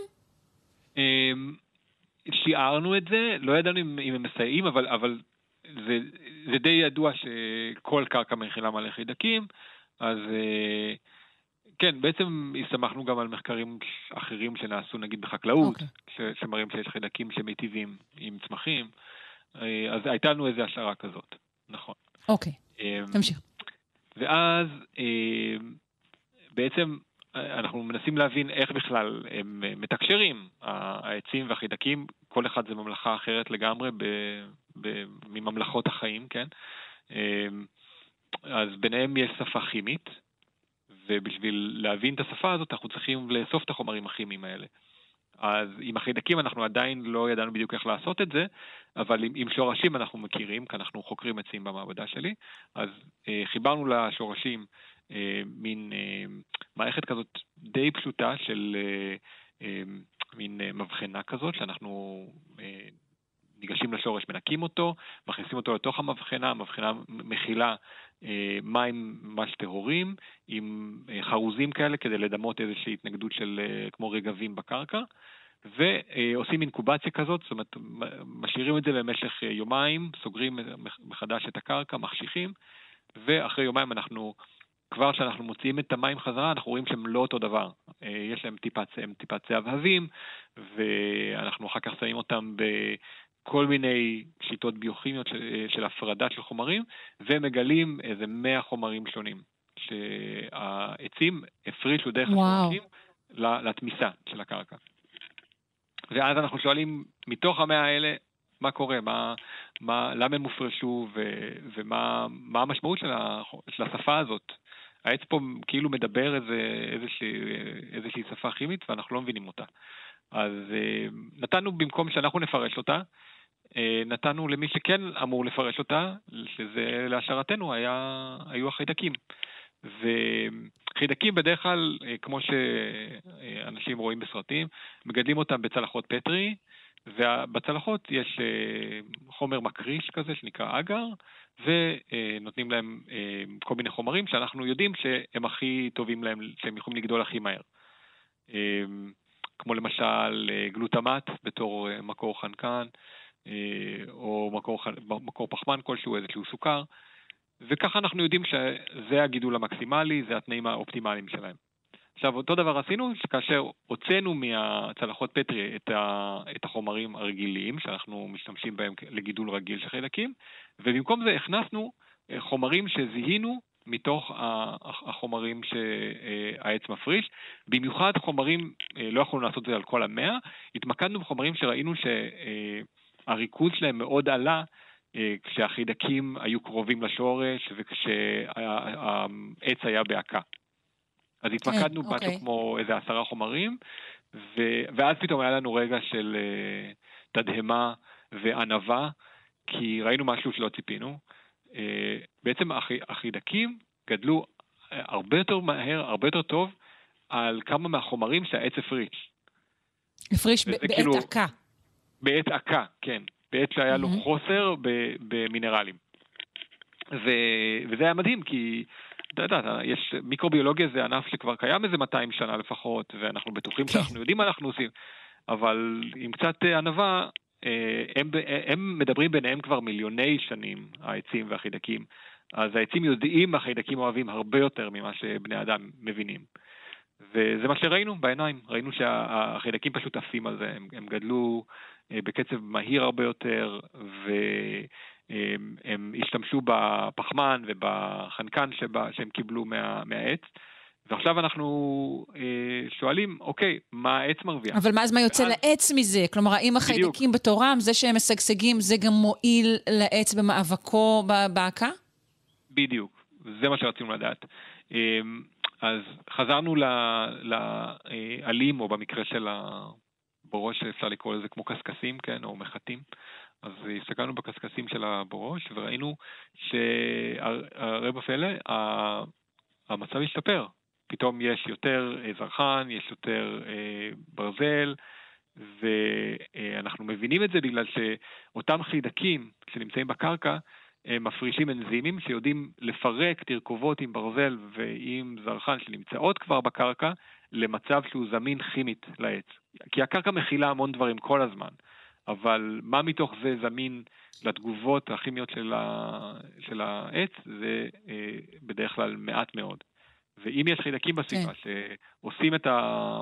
את הפעולה הזאת עבורו, אז מצבו כבר משתפר והוא יכול לצאת מההקה הזאת בצורה הרבה יותר טובה. וזה, סגרנו. אז הניסוי הזה הוא, הוא, הוא גם נהדר בפני עצמו, וכמו שהיטבת לנסח את התדהמה ואת הענווה, השאלה היא האם, נגיד, אנחנו יכולים לקחת את התוצאות שלו ולומר, אוקיי, כשעץ כלשהו, גידול כלשהו נכנס ל, למצב כזה, למצב עקה, אנחנו יכולים בעצם ללמוד את החיידקים שמסייעים לו ואולי הם, הם, להחדיר לאדמה כמות יותר גבוהה מהם, או שזה לא יעבוד, זה עובד רק ככה, כמו שזה.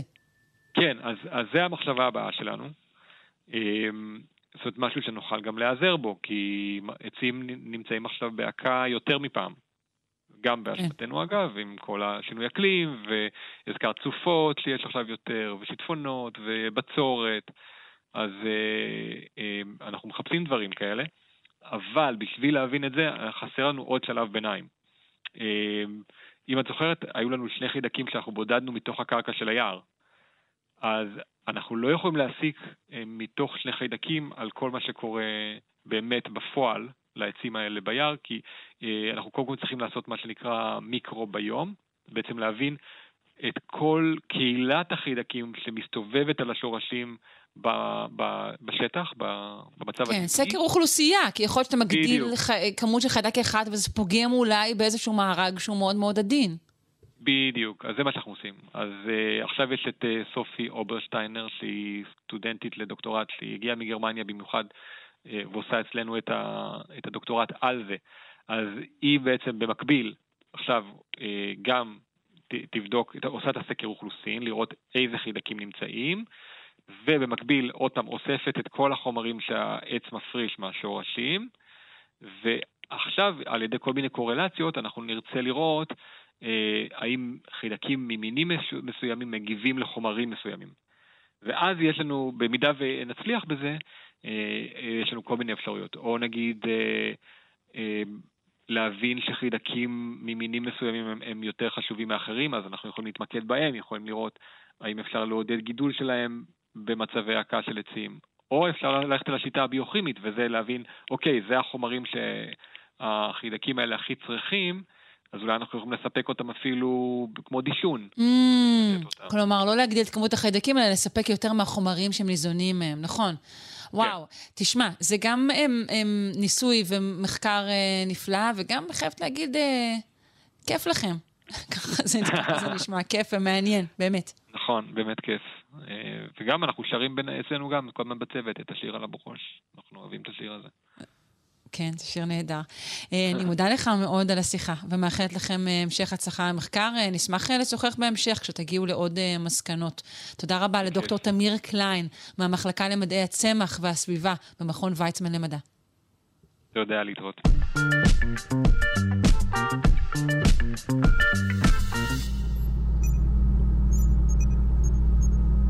חוקרים פיתחו שיטה חדשה לייצור של מימן ירוק, שמיוצר ללא זיהום אוויר, ביעילות גבוהה ובאמצעות זרז ביולוגי. אה, נשמע הכל אודות השיטה הזו מצחי גרינברג, הוא דוקטורנט במעבדה לננו-טכנולוגיה וחומרים בהשראת הטבע מבית הספר לרפואת שיניים בפקולטה לרפואה באוניברסיטת תל אביב, ומהדוקטור אורן בן צבי ממעבדת אה, אנרגיה בבית הספר למדעי הצמח ואבטחת מזון בפקולטה למדעי החיים באוניברסיטת תל אביב. שלום. שלום, בוקר טוב. שלום, שלום לשניכם. Uh, ראשית, אני רוצה לשאול מה, מהמזקים, מהקרדיטים שקראתי, האם uh, שיתוף הפעולה בין שתי הפקולטות הוא דבר uh, נפוץ? נשאל אותך אולי, דוקטור בן צבי? שיתופי פעולה באופן כללי הוא, הוא דבר די נפוץ באוניברסיטה. יש הרבה קשרים אישיים בין החוקרים, ואיפה שאפשר משתפים פעולה, וזה תמיד מוביל לתוצאות יותר טובות. כן. אה, אז עכשיו אה, בואו ניגש לעניין. בעצם מהו מימן ירוק? אה, אז בעצם מימן נחשב כבר שנים כדלק העתיד. הבעיה היא שהוא לא נוצר באופן טבעי בכדור הארץ, צריך לייצר אותו. ובעצם הצבע, סיווג הצבע, הוא בעצם רמת הניקיון שבו אתה מייצר את המימן. כשמימן ירוק הוא למעשה מימן שנוצר ללא פליטות של CO2 בכלל, והוא בעצם השאיפה, השאיפה הסופית לייצור מימן. כלומר, אה, נגיד, אם היינו נותנים צבעים למימן אחר, היינו אומרים שזה מימן שחור? שחור זה הכי גרוע, זה מפחם, אפור זה מגז טבעי, זה גם כן מאוד מזהם. יש כחול, יש צהוב, יש ורוד, יש המון המון סוגים. שכל כל הצבעים האלו מייצגים את רמת הזיהום בהפקת המימן? נכון. או את החומרים שממנו מפיקים? לא, את, את האנרגיה, בעצם מאיפה באה האנרגיה לייצור המימן. אם ניתן דוגמה, אפור הוא מגז מתאן, ורוד זה מאנרגיה גרעינית, אה, יש גם אה, כחול, שזה איזשהו שילוב, אבל בעצם מאיפה באה האנרגיה ומה רמת הזיהום ש, שנוצר כתוצאה מיצירת המימן. אני מבינה. צריך לציין ש-95% בערך מהמימן שמיוצר היום, 95% זה מימן שחור או אפור, זאת אומרת שהפליטת אה, מזהמים מנגיד CO2 זה בערך בין פי 9 לפי 12 מכמות המימן שנוצרת. וואו. כן. זה באמת... וכל טון מימן מייצרים משהו כמו 9 טון CO2. אוקיי, אז בוא תסביר לנו איך, איך, הגעתם, איך הגעתם לפיתוח, אה, ליצירה של מימן ירוק? אז השיתוף פעולה הזה באמת נולד אה, בין המעבדות.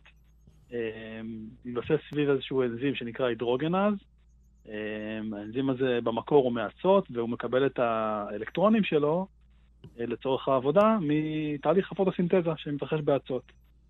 אז אה, אה, בעצם אנחנו מפיקים אותו מחיידקים, הוא משובט בחיידקים, מפיקים אותו, ומה שאנחנו עושים בפרויקט הזה זה מצמידים אותו לאלקטרודה באמצעות חומר שאנחנו מייצרים, ויכולים בעצם להעביר לו אלקטרונים מחשמל. אה, בעדיפות, אנחנו רוצים לעשות את זה בחשמל ירוק, סולארי או רוח, לא משנה. והאנזים הזה יכול לקבל את החשמל, יכול לקבל את האלקטרונים ולייצר מימן. אז כאילו האלקטרודה היא בעצם מחליפה את מה שעקרונית שמש הייתה עושה בתהליך טבעי כזה, לצורך העניין? אה, האלקטרודה בעצם מאפשרת את המעבר של האלקטרונים אה, במקום אה, כל תהליך הפוטוסינתזה בדיוק, זה בעצם החלפה, ש... אפשר להגיד החלפה של השמש, אבל האלקטרודה עצמה כן צריכה לקבל חשמל מאיפשהו. אנחנו מעדיפים שהחשמל הזה יהיה חשמל ירוק, למרות שזה לא מחויב. אבל זה בהחלט כן. אפשרי. אוקיי. אה, איך, איך חיברתם בעצם את, ה, את האלקטרודה לאנזים?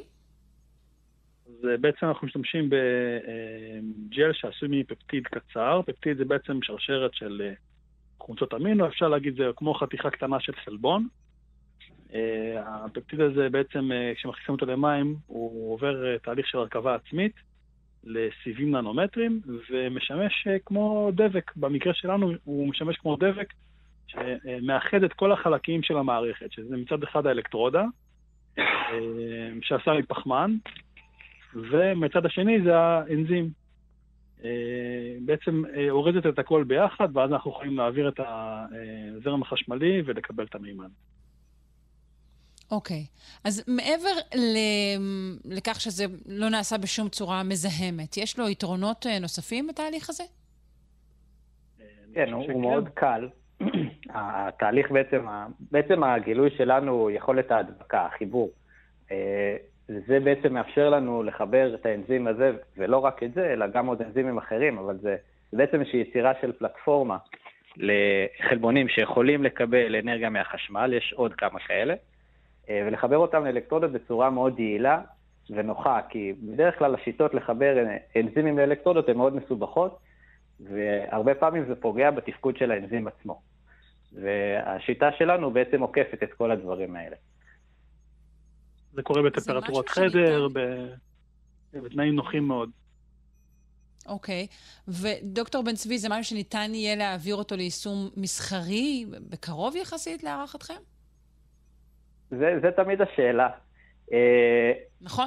אני, נכון, נכון, נכון, זה אנחנו- תמיד השאלה. אנחנו עושים ו- דברים פעם- נפלאים ב- ב- במעבדות ובמה שנקרא uh, small scale, אבל כל עוד העולם uh, ממשיך בשלו, אז זה, זה, זה, זה די נשאר ככה. נכון, זה נכון. זה, שאל, זה תמיד השאלה והתשובה היא מאוד קשה, כי נכנסים פה שיקולים שהם לא תמיד אה, אה, אנחנו כחוקרים מתעסקים בהם, ו, ולפעמים כן, לפעמים לא, אבל יש פה שיקולים. לפי דעתי זה בהחלט יכול להיות יישומי. אני לא יודע אם בזמן הקרוב קרוב. אה, זה משהו שעוד אה, דורש, דורש עוד מחקר, וגם דורש אה, מישהו שירים את הכפפה ויביא את זה, ייקח את זה הלאה מהאקדמיה למסחר. אולי לא, גם אילו. מערכות, צר... אילו מערכות צריכות להיבנות בעצם כ- כדי שזה ייעשה ב- ב- ב- בסקיילים גדולים? אני מנסה לדמיין אותם. אה, בין השאר צריך מערכות אה, לאגירה של מימן. אה, ומערכות, שזה דבר בעייתי בפני עצמו. הייצור זה אתגר אחד, האגירה זה אתגר נוסף. בו אנחנו לא התעסקנו עד עכשיו. אה, וכמובן מערכות שיכולות להמיר את המימן הזה חזרה לאנרגיה זמינה. אה, יש כבר מערכות כאלה קיימות, בעצם אה, בחלק מהמקרים אפשר להשתמש במימן כתוסף לדלק אה, אחר ששורפים בתחנות כוח. ולקבל אנרגיה יותר נקייה ויותר יעילה. אבל אם רוצים לעבור לשימוש במימן, רק במימן, בלי לזהם בכלל, אז צריך להקים את המערכות שעושות את ההמרה הזאת. הטכנולוגיה קיימת, פשוט צריך ליישם אותה. כן, טוב, המאמר שלכם, רק נציין, אה, פורסם בכתב העת Carbon Energy, נכון? נכון. יפה, אני מודה לכם מאוד על השיחה. רגע, אה, חשוב לציין וגם מאוד את, ה- את. המנחים שלנו. כמובן, כן. בבקשה. חשוב לציין את המנחים שלנו, שמאפשרים בעצם את כל המחקר הזה. אה, פרופסור לי אדלר אברמוביץ', אה, היא המנחה שלי, ופרופסור יפתח יעקבי, המנחה של אורן. אה, תחת השרביט שלהם הכל אה, מנוהל. תודה רבה לך. לחיי האקדמיה. צחי גרינברג, אה, דוקטורנט תודה. במעבדה לננו-טכנולוגיה וחומרים בהשערת הטבע מבית ספר לרפואת שיניים בפקולטה לרפואה באוניברסיטת תל אביב, ודוקטור אורן בן צבי, במעבדת האנרגיה בבית הספר למדעי הצמח והבטחת מזון בפקולטה למדעי החיים, גם כן באוניברסיטת תל אביב. תודה, להתראות. תודה, יום. תודה.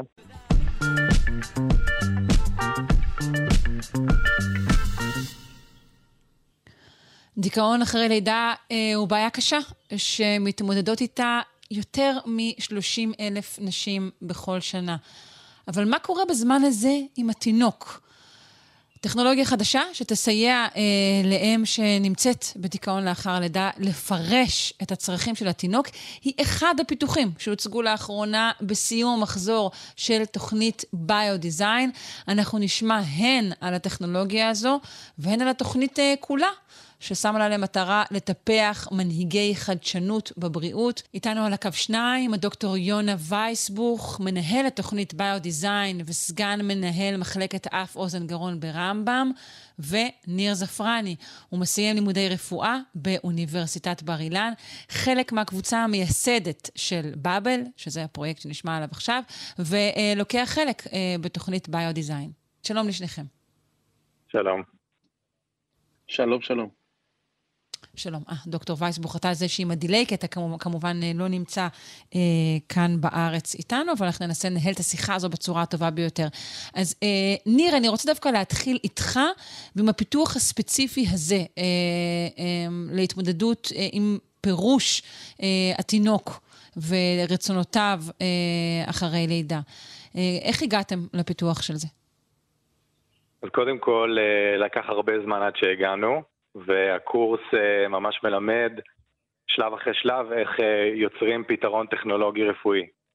אז בחודשים הראשונים, מה שעשינו היה הרבה עבודת שטח כדי לזהות כל מיני צרכים רפואיים שעולים.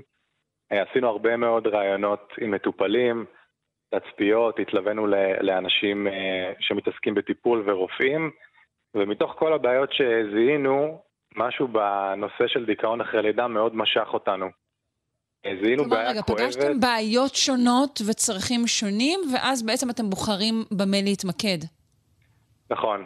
בחרנו יותר להתמקד בדיכאון אחרי לידה, וכשניסינו קצת יותר להתעמק, הבנו באמת כמה הבעיה כואבת ולא מדוברת, והסתכלנו קצת על פתרונות שקיימים. יש שם פתרונות שמתעסקים הרבה באימא, כלומר בדיכאון שלה, באיך מאבחנים ואיך מטפלים. אבל אין הרבה פתרונות שמתעסקים בתינוק, ומה קורה איתו אחר כך, ובמיוחד לא בקשר בינו לבין האימא. אז ככה זיהינו את ההזדמנות שלנו ליצור מוצר שמתמקד בתינוק, ומאפשר את ההתפתחות התקינה שלו. ספר לנו על המוצר, איך זה עובד. אז כמו שאמרת, באבל זה מכשיר שיעזור לאימהות בדיכאון אחרי לידה, להבין את התינוק שלהם בצורה יותר טובה. זה בעצם מחולק לשניים, יש את האפליקציה, ויש את המוצר הרפואי, שהוא יהיה ליד התינוק וייקח כל מיני מדדים. בין השאר, מדדים שקשורים לבכי ולתנועות של התינוק. בדרך זה הוא ישלח לאימא באפליקציה תובנות לגבי מה הוא צריך ממנה. ויותר מזה, באבל, במידה והאימא רוצה, יוכל ממש ללמד את האימא איך הוא הבין את הדבר הזה. כלומר, ללמד את האימא לזהות את הדברים האלה בעצמה. כן. אני אגיד לך, מצד אחד זה מדהים ונהדר, וכמובן שכל אה, תינוק וכל אם שיעזרו בדבר הזה, זה כמובן מבורך. השאלה היא, האם פתרונות כאלו לא באים אה, על חשבון אה, פתרונות... אה, אנושיים, אני אקרא להם, של נוכחות אה, אנושית רציפה יותר, של יותר אמפתיה שתגיע מבני אדם. אתה לא חושש מדברים כאלה? קודם כל נגעת בחשש הכי גדול שהיה לי בהתחלה שהתחלנו לעבוד על הפרויקט, כי אני, אנחנו בעצם לא רוצים להחליף את האימא, ואנחנו גם לא חושבים שהמוצר הטכנולוגי שלנו צריך להחליף לאימא, את האימא, אלא להפך, לחזק אותה. וכל המוצר שיצרנו, בעצם כל הממשק עצמו, הוא בנוי על לחזק את התחושת ביטחון שלה.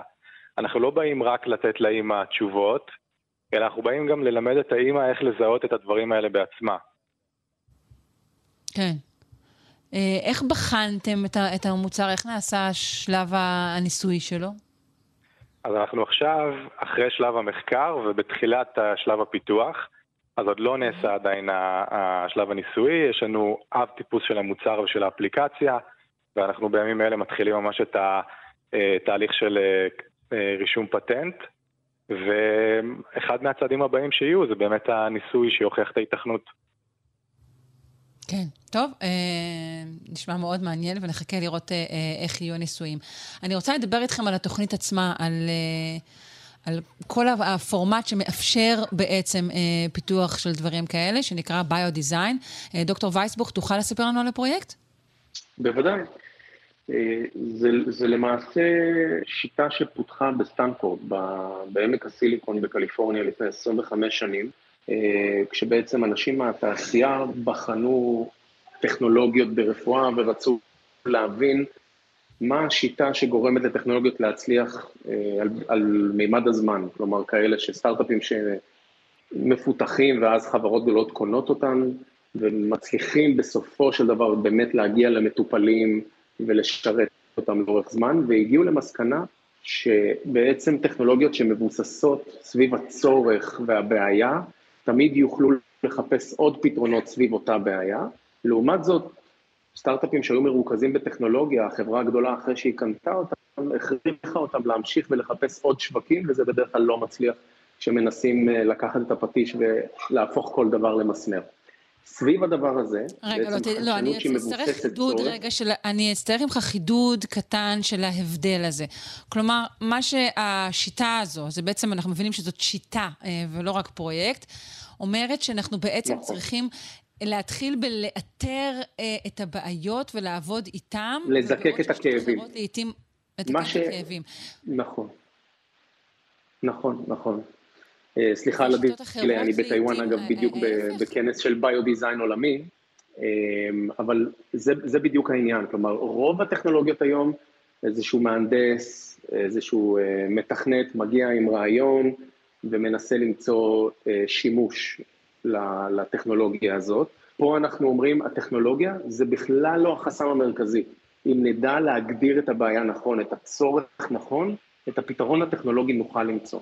ואז מה שאנחנו מלמדים בעצם בכל התוכנית הזאת, זה איך לרדת לשטח, בעצם איך לראיין את המטופלים ואת המשפחות שלהם, ולא רק רופאים, אלא גם אחיות וגם צוות פארה-רפואי, ולהבין קודם כל איפה הכאב הכי חזק, הצורך הכי גדול, ושתיים, אנחנו עונים על השאלה מי ישלם על זה, איך יממנו את הטכנולוגיה הזאת, ורק השאלה השלישית בסוף זה איך באמת לפתור את הבעיה ברמה הטכנולוגית, מה שזה בדרך כלל לא השיטה שבה רוב הישראלים עובדים, אה, כי רוב הסטארט-אפים מתחילים עם טכנולוגיה וחושבים על איך הם יגיעו לשוק, מי ישתמש על זה ומי ישלם על זה, רק בסוף אנחנו אומרים עדיף להשקיע יותר זמן בזיקוק הבעיה, בלבחור מתוך אלפי בעיות שגם ככה יש. אז בואו נבחור את הבעיות הכי גדולות, אבל כאלה גם שאנחנו חושבים שאפשר יהיה ויש להם יותר סיכוי להגיע לשוק. האימפקט שאנחנו מחפשים זה להגיע למטופלים. כלומר, השיטה הזו היא גם, אה, אתה אומר, אה, טובה יותר אה, לתהליך הטיפול עצמו, אבל גם כלכלית היא משתלמת יותר, כי הדברים בעצם מגיעים כשיש להם קהל ברור, קהל יעד ברור, וגם אולי האנשים הם אפויים יותר בת- בתוך התהליך? בדיוק, בעצם אנחנו נותנים ארגז כלים. ארגז כלים לכל בוגרי התוכנית, שהם יכולים להשתמש בו במהלך הקריירה שלהם, או כיזמים, או כיועצים לחברות, או כאנשים שעובדים בתור חברות גדולות, כמנהלי צוותים, לנהל תהליך של פיתוח חדשנות ברפואה בצורה יעילה יותר, בצורה שיש לה יותר סיכוי, הרי אנחנו יודעים שבאופן כללי בנושא היזמות, רוב הרעיונות והפרויקטים נכשלים. אז הסיכוי שפרויקט כן יגיע בסוף למטופלים, אם אנחנו נשקיע יותר זמן, ולא נרוץ ישר על הטכנולוגיה, אלא נשקיע יותר זמן באמת לנתח את השטח כמו שצריך, אנחנו יודעים אחרי 25 שנה שבאמת יותר חברות, יש יותר סיכוי שחברות באמת יביאו מוצרים לשוק. השיטה הזאת מוכרת בכל העולם, היא שיטה שממשלות בכל העולם החליטו להקים מרכזים כאלה, באוסטרליה וסינגפור והודו ואירלנד, באמת בכל, בכל רחבי היבשות. ואנחנו לפני שלוש שנים הקמנו מרכז כזה כסניף של סטנפורד אה, בישראל, סניף רשמי, ומריצים אה, אה, את התוכנית הזאת גם כקורס שנתי וגם סדנאות לחברות ולמרכזים רפואיים. מי בעצם האנשים שפרויקטים שלהם, כמו ניר, שאיתו אנחנו משוחחים גם, מי הם האנשים שהפרויקטים שלהם הם אלו שהתוכנית תתמוך בהם ותלווה אותם ו- ותמשיך איתם? לפי מה זה נבחר? אז יפה, אז אנשים בעצם זה לא, זה לא אקסלרטור, זה לא חממה, אנשים מגיעים בלי רעיון ובלי קבוצה. הם מגיעים כאנשים בודדים, מי, אנחנו בכוונה מביאים, ומחב, אנחנו אלה שמחברים את הקבוצות של שישיות, שני קלינאים, רופאות, רופאים, אחים, אחיות, פארה-רפואי, שני אנשי טכנולוגיה, אנחנו משתדלים לתת, להביא אנשים שהם מעולם החומרה ומעולם התוכנה ולחבר אותם ביחד, או מעולם הביולוגיה ומעולם המחשבים ולחבר אותם ביחד, ושני אנשים שהם מכיוון הכלכלה והניהול. כזאת שישייה, שיש בה צוות רב-תחומי שמסתכל עם רקע קליני, רקע טכנולוגי ורקע עסקי יחדיו, מקבלים עולם של בעיה. למשל, דיכאון או פסיכיאטריה, כמו הקבוצה של ניר. אנחנו לא נותנים להם את הבעיה, אנחנו מלמדים אותם איך למפות הרבה בעיות, ובאמצעות כלים מאוד כמותיים, בסופו של דבר לבחור את הבעיה שהכי כדאי ללכת עליה. אז בנושא של דיכאון אחרי לידה, מה שיפה היה בקבוצה של ניר, שהם זיקקו את הדיכאון, הדיכאון אחרי לידה זו בעיה לא פתורה שהיא מאוד שכיחה ולא מספיק במודעות. הם זיקקו שיש פה עוד בעצם כאב גדול, שזה הילד, התינוק, והקשר בין האם לתינוק, שהפגיעה בקשר הזה בעקבות הדיכאון כל כך משפיעים עליו. אז לשאלתך, אנחנו לא בוחרים פרויקטים, אנחנו נותנים לכל קבוצה, אנחנו בוחרים כל שנה שמונה שישיות כאלה, הם מקבלים כל אחת מהם עולם תוכן שונה לחלוטין, אחת מהן התעסקה בהחלפת שקלי ברך, אחת התעסקה בנושא של זקנה ונפילות, אחת מסתכלת על נושא של פסיכיאטריה אה, וכך הלאה, והם לאורך השנה לומדים איך ממפים בעיות, איך בוחרים ביניהם, במקום לקפוץ על הבעיה הראשונה. חבר שלך מגיע עם בעיה ואומר לך בוא תצטרף אליי לסטארט-אפ. לא, אנחנו אומרים חכו, בואו ננתח, יש המון בעיות בסביבה הזאת שהסתכלתם עליה. האם באמת זאת הבעיה האמיתית שכדאי לטפל בה? אולי כדאי לטפל במשהו לפני או אחרי, והאם, וחשוב לבחור פרויקט שיש לו באמת היתכנות. טוב, אה, זה נהדר. גם היישום עצמו שעליו אה, שמענו, היישום אה, שנקרא באבל, וגם התוכנית כולה נשמעת כמו כיוון מחשבה מאוד נכון, מאוד אנושי, וגם בסופו של דבר משתלם. אז אני מאוד מודה לשניכם, דוקטור יונה וייסבוך, מנהל התוכנית ביו-דיזיין, וניר זפרני, שהוא חלק מהקבוצה של באבל ולוקח חלק בפרויקט הזה, ביו-דיזיין. אני מודה לכם מאוד. תודה רבה. תודה רבה לך.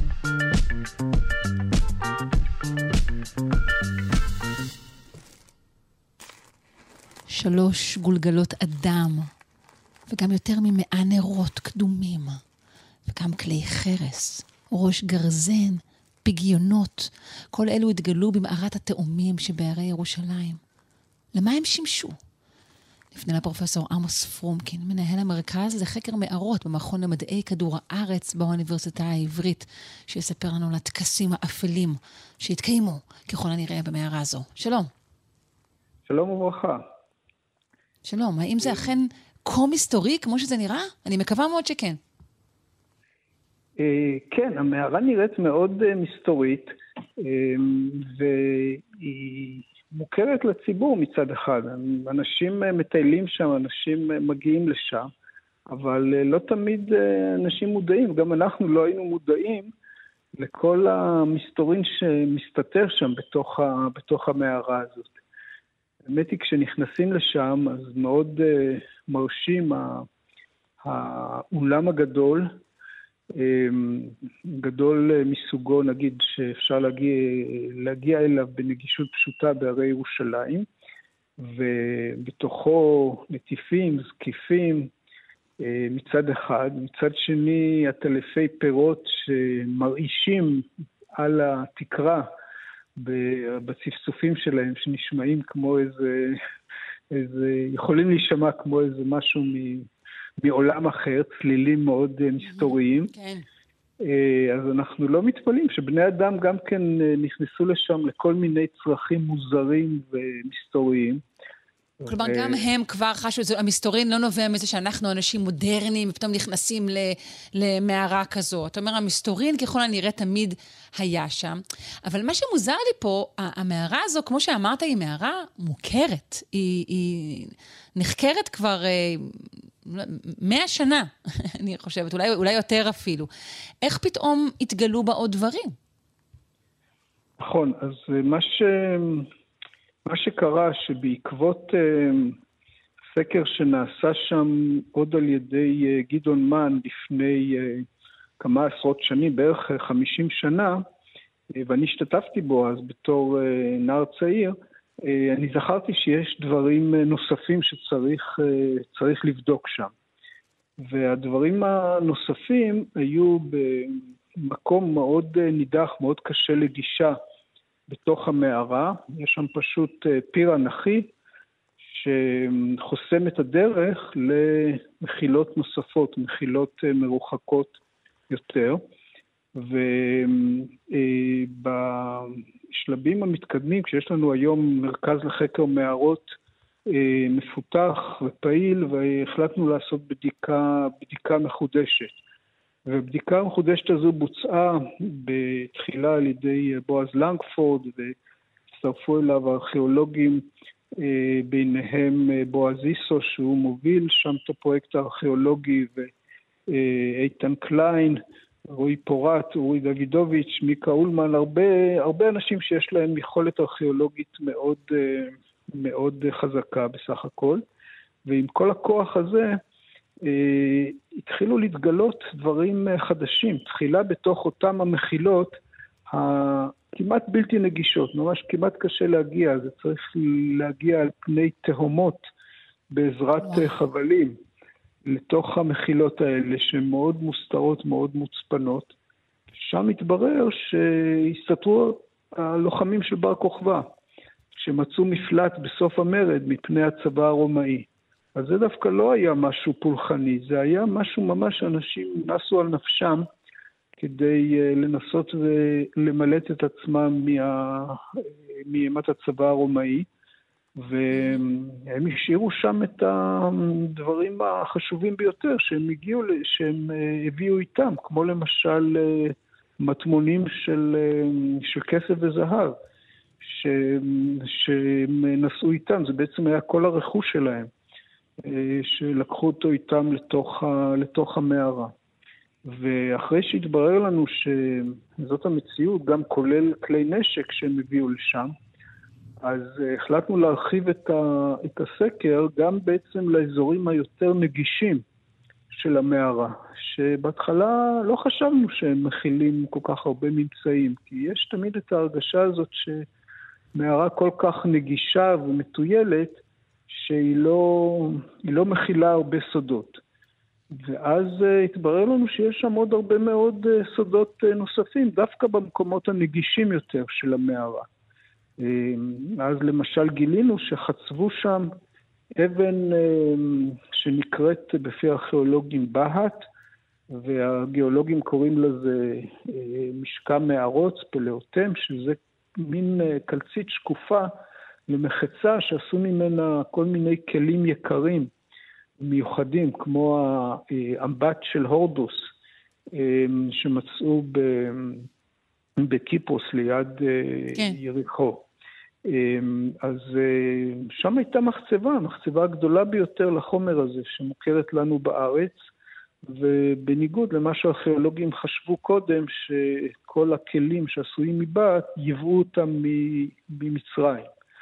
אז פה יש ממש... ובוא נגיע, בוא נגיע לגילוי החדש והמסעיר, אני חושבת, עבור מאזיננו לפחות, אה, אה, שזה באמת שלוש גולגלות אדם, וכן אלמנטים שמעידים על פולחן כלשהו, על, על טקסים של העלאה באוב.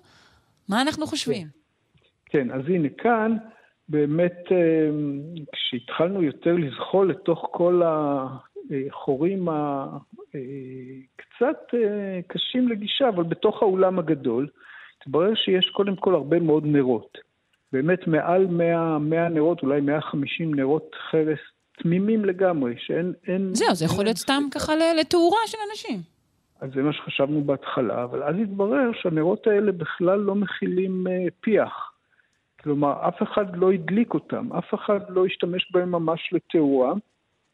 ותקעו את הנרות האלה בתוך הפינות הנגיש, הבלתי נגישות ביותר, ממש מקומות שזוחלים זוחלים ובסוף רואים איזשהו נר בקצה של סדק מרוחק, כאילו שמישהו דחף את זה שם בעזרת מקל.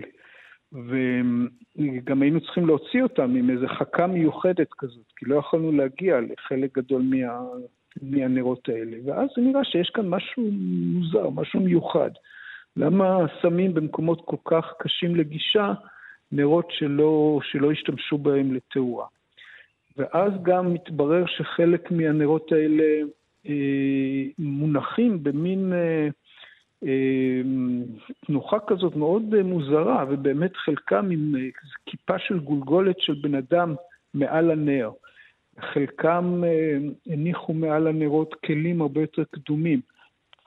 כאילו מישהו מצא שם שרידים ארכיאולוגיים ושילב את זה בתוך, ה, בתוך הסיפור הזה של, ה, של הנחת הנרות.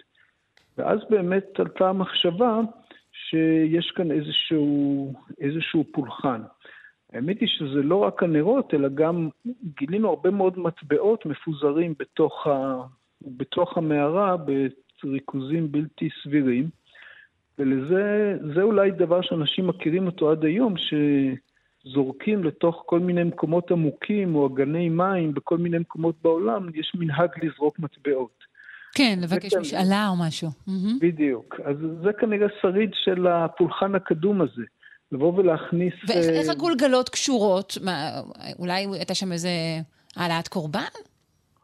אז אה, זהו, שיש, אה, שיש עכשיו מחשבה שהעלה אותה איתן קליין, שיש שם איזשהו פולחן קדום שקשור במתים, בעל, ב, אה, יש את הסיפור שאנחנו מכירים כמובן מהתנ"ך, ששאול המלך הלך לבעלת האוב כדי שתעלה לו באוב את, אה, את, אה, את שמואל הנביא, למרות שהוא בעצמו אסר את הפולחן הזה. אז, אז, אז היו כאלה פולחנים שאנחנו קורה לא כל כך... שמנהיג, אה, אתה יודע, יש איזו תקנה שהוא עצמו מנהיג, אבל הוא גם עוקף אותה. אנחנו מכירים את זה גם מההיסטוריה הקרובה. בהחלט. אז אה, אנשים היו כאן כנראה מאוד, אה, מאוד עסוקים בפולחנים הקדומים האלה, שאנחנו לא כל כך יודעים עליהם הרבה. נגיד הפולחן של, ה, של אלי השאול והטקסים שהיו עושים אה, בהקשר להם ביוון העתיקה וברומא, חלקם היו מאוד חסויים ולא לא זכו לפרסום. נגיד, אה, אמצעי התקשורת של אז לא כל כך אה, מציגים אותם בצורה, בצורה מלאה. אז אנחנו יודעים עליהם רק תמונה חלקית. ואנשים היו ממש מארגנים טקסים שהמטרה שלהם הייתה אולי כזאת, קשר לעולם הבא, קשר לעולם השאול, קשר לאלים ה- ה- האחתוניים, האלים האלה ש... שאחראים על עולם השאול, על עולם, על עולם המתים, אמ, כל מיני אגדות אמ, של, אה, שקשורים לזה שאל השאול חוטף חוטף מישהו או מישהי מה, מהעולם הרגיל, ואז אה, היה אה, הסברים שמקשרים את זה לעונות השנה למשל, יש לנו עונה, עונה כזאת, עונה חמה, עונה קרה, עונה גשומה, עונה יבשה, האם זה קשור באמת לזאת שה... אותה גברת שנחטפה בידי אל השאול, היא קיבלה חופשה כל שנה לשישה חודשים לצאת החוצה מהשאול. אה, ובצורה כזאת הדברים, אה, הדברים התנהלו בעולם, וככה העולם בעצם מתנהל באיזשהו שיווי משקל בין מי ששולט בחוץ לבין מי ששולט למטה בעולם התחתון. בכל אופן, זה נראה שהמערה משמשת איזשהו... הנרות, הנרות אנחנו יודעים שהם בעצם, נכון, הם מתוארכים מהתקופה הרומית המאוחרת, נכון? מחזיקי הנרות האלו. רומית מאוחרת, אולי ביזנטית, כן. ביזנטית. הגולגלות גם כן כבר עברו בדיקה ותיארוך? אה, לא, הגולגלות עצמן לא, לא תוארכו, אה, אז קצת קשה באמת לשייך אותן, אבל הן באות בקונטקסט אה, עם הנרות, זאת אומרת, כי כאילו הניחו הם, אותן הם הוצבו באופן שהוא משולב כזה, נכון? זה לא במנותק. יש כאן איזושהי כן. העמדה. כן, יש איזושהי העמדה של הגולגולת על הנרות, או יחד עם הנרות, ונראה שזה היה שם איזשהו קשר, לפחות בחלק, מה, בחלק מהמקרים. טוב, מרתק, אנחנו נשמח לשמוע בהמשך כשתפענחו אה, אולי יותר את התמונה השלמה אה, מהמערה הזו, מערת התאומים, שנזכיר, ניתן לוותר, לבקר בה רק בחודשי הקיץ. נכון. לציבור הרחב. בגלל הטלפון, נכון. כן, בהחלט. כן, אז אני מאוד מודה לך על השיחה המרתקת הזו, פרופסור עמוס פרומקין, מנהל המרכז לחקר מערות במכון למדעי כדור הארץ באוניברסיטה העברית. תודה רבה. תודה רבה, יום נעים. יום נעים.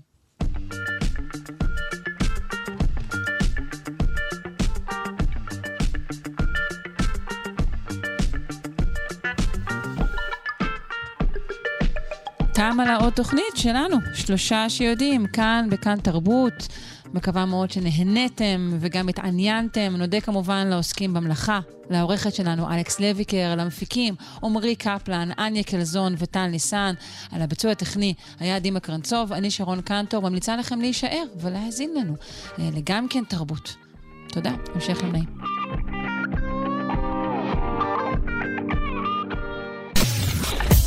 אתן מאזינות ואתם מאזינים לכאן הסכתים. כאן הסכתים, הפודקאסטים של תאגיד השידור הישראלי.